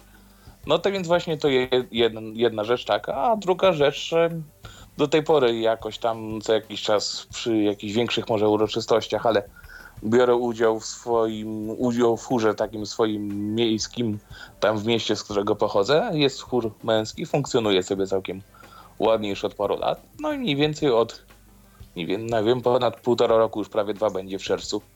Biorę też udział co jakiś czas w jego występach i też nie ma problemu, że żebym właśnie dostawał nagrania, czy, czy żebym dostawał Andrzeju, teksty. a żebyśmy się tak można. trzymali, żebyśmy się tak trzymali tematu i jednak w jakiś sposób nawiązywali do tego, co jest dziś Nie no, w audycji, to ja zapytam. Ma znaczenie to, że się nie widzi, a czasami nie ma. Bo chciałbym zapytać o jedną rzecz. Bo skoro tam Mhm. śpiewasz y, i jak mówisz, y, jest to twoją y, jakąś tam No, pasją, czy hobby, lubisz to, tak. czy, czy jest to Mhm. hobby, nie myślałeś na przykład, żeby gdzieś powiedzmy spróbować, bo to też niektórzy tak próbują, właśnie przez internet, przez jakieś filmiki na YouTubie, y, później odpowiednio pro, promując to w mediach społecznościowych, czy na Facebooku, czy na naszym polskim chociażby Wykopie, y, co też to jest grupa takich serwisów dosyć, dosyć fajnych, gdzie powiedzmy internauci decydują o tym, czy coś jest fajne i czy naprawdę ma dosyć dużą oglądalność, czy się jakoś tam powiedzmy jako taki albo chórzysta, albo solista y, gdzieś tam wypromować i może coś z tego by było. Promować jako tak zwana osoba publiczna. Dokładnie. Nie myślałeś o tym?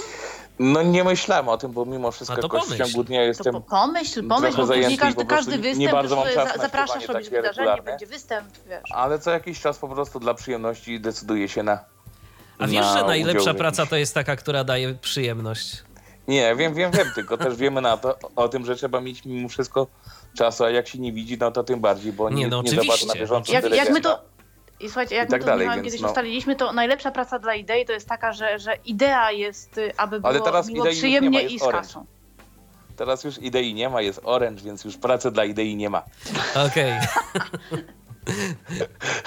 tym niniejszym, tym wesołym akcentem pozdrawiam was po raz kolejny. Pozdrawiamy cię serdecznie i dziękujemy za Pomarańczowa telefon. rewolucja Tak, trzymaj się. E, Natomiast co do tego crowdfundingu, to myślę, że warto o tym coś powiedzieć, bo ja też mam tu do powiedzenia mało. Tak, dobra, ale tylko taką zajawkę trzaśniemy, bo to osobny temat będzie. Chodzi o to, że jeżeli mamy fajny pomysł na biznes, na tak zwane start-up najlepiej, tak, że chcemy z czymś tam sobie właśnie wystartować, a nie mamy na to kasy, to dajemy na jeden z wielu, wielu, teraz jest coraz więcej właśnie tych W Polsce to polakpotrafi.pl, takie Na światowe przykład. to Indiegogo i Kickstarter. mm, O, jeżeli o, chcemy popularne. w świecie zbierać. No jeszcze, jeszcze więcej jest, ale generalnie te najpopularniejsze. Na taki serwis swoją ofertę opisujemy co, jak, gdzie, kiedy.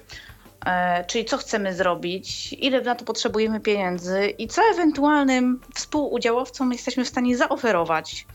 Na przykład y, y, chcemy wydać e, publikację z pracami jakiegoś y, artysty, który był ceniony kiedyś gdzieś tam, gdzieś tam, gdzieś tam. Mamy zebrane prywatną kolekcję na przykład jego e, jego plakatów. O, no była taka, to jest autentyczna historia. E, I, I tak naprawdę żadne wydawnictwo książkowe nie jest zbyt mocno tym zainteresowane. My byśmy chcieli, bo, bo jest cenna czyjaś praca, fajna kolekcja, trudno, żeby to się tak zmarnowało. Chcemy to wydać oficjalnie w ładnym formacie i zbieramy na to kasę. I osoby, które dadzą na to pieniądze, to na przykład dostaną darmowy egzemplarz, plus tam coś, plus udziały, w zależności od tego, jaka to jest akcja i jakie zyski są spodziewane, bo to jest oczywiście przy okazji badanie rynku i tak dalej, i tak dalej. Jakieś tam trzeba sobie wykonać, żeby to się w ogóle opłacało wszystkim. To dajemy komuś na przykład jakiś procent zysku albo część z materiałów, które powstaną z tego. Jeżeli ma to na przykład, ma na przykład powstać ośrodek mm, rehabilitacji kogoś tam, to dajemy komuś darmowe wejściówki albo na jakąś imprezę, jeżeli, jeżeli takową organizujemy. Więc osoby, które nam wpłacają pieniądze, a są osoby, które wpłacają pieniądze na coś takiego, chcą w tym współuczestniczyć, mm, mogą sobie skorzystać z naszego projektu, a dzięki temu projekt powstaje i my na tym realnie zarabiamy. No z tym, że musimy się oczywiście podzielić później zyskami, tak jak ktoś się z nami podzielił pieniędzmi podczas y, startu te, tego biznesu. I oczywiście jest tak, że zbiórka ma swój określony cel i czas i jeżeli zostanie zrealizowana z sukcesem, no to, to po prostu zostanie zrealizowana. Nie, nie zawsze to wypali, ale też jeżeli czasem to nie wypali, że zbiórka jest niezakończona sukcesem, to ktoś na to zwróci uwagę i, i jeżeli nam oczywiście nie ukradnie pomysłu, bo i takie rzeczy się zdarzają, to jest szansa, że i tak mimo wszystko uda nam się coś z tym zrobić, przedsięwziąć. I to nieraz są takie no, przeróżne, jakieś sposoby domowe na, na zrobienie czegoś ciekawego. Na Kickstarterze jakiegoś- ktoś y, zbierał pieniądze na sałatkę ziemniaczaną i każdy, kto tam coś wpłacił, to miał dostać ileś tej sałatki. I to No na przykład, całkiem, ostatnio- całkiem sporo ludzi to wpłacało, ale ja mam, cieka- ja mam taką ciekawostkę z naszego środowiska, bo to, bo to myślę, że będzie, bo to myślę, że będzie Najlepsze. fajne, oczywiście, y, żeby to dotyczyło.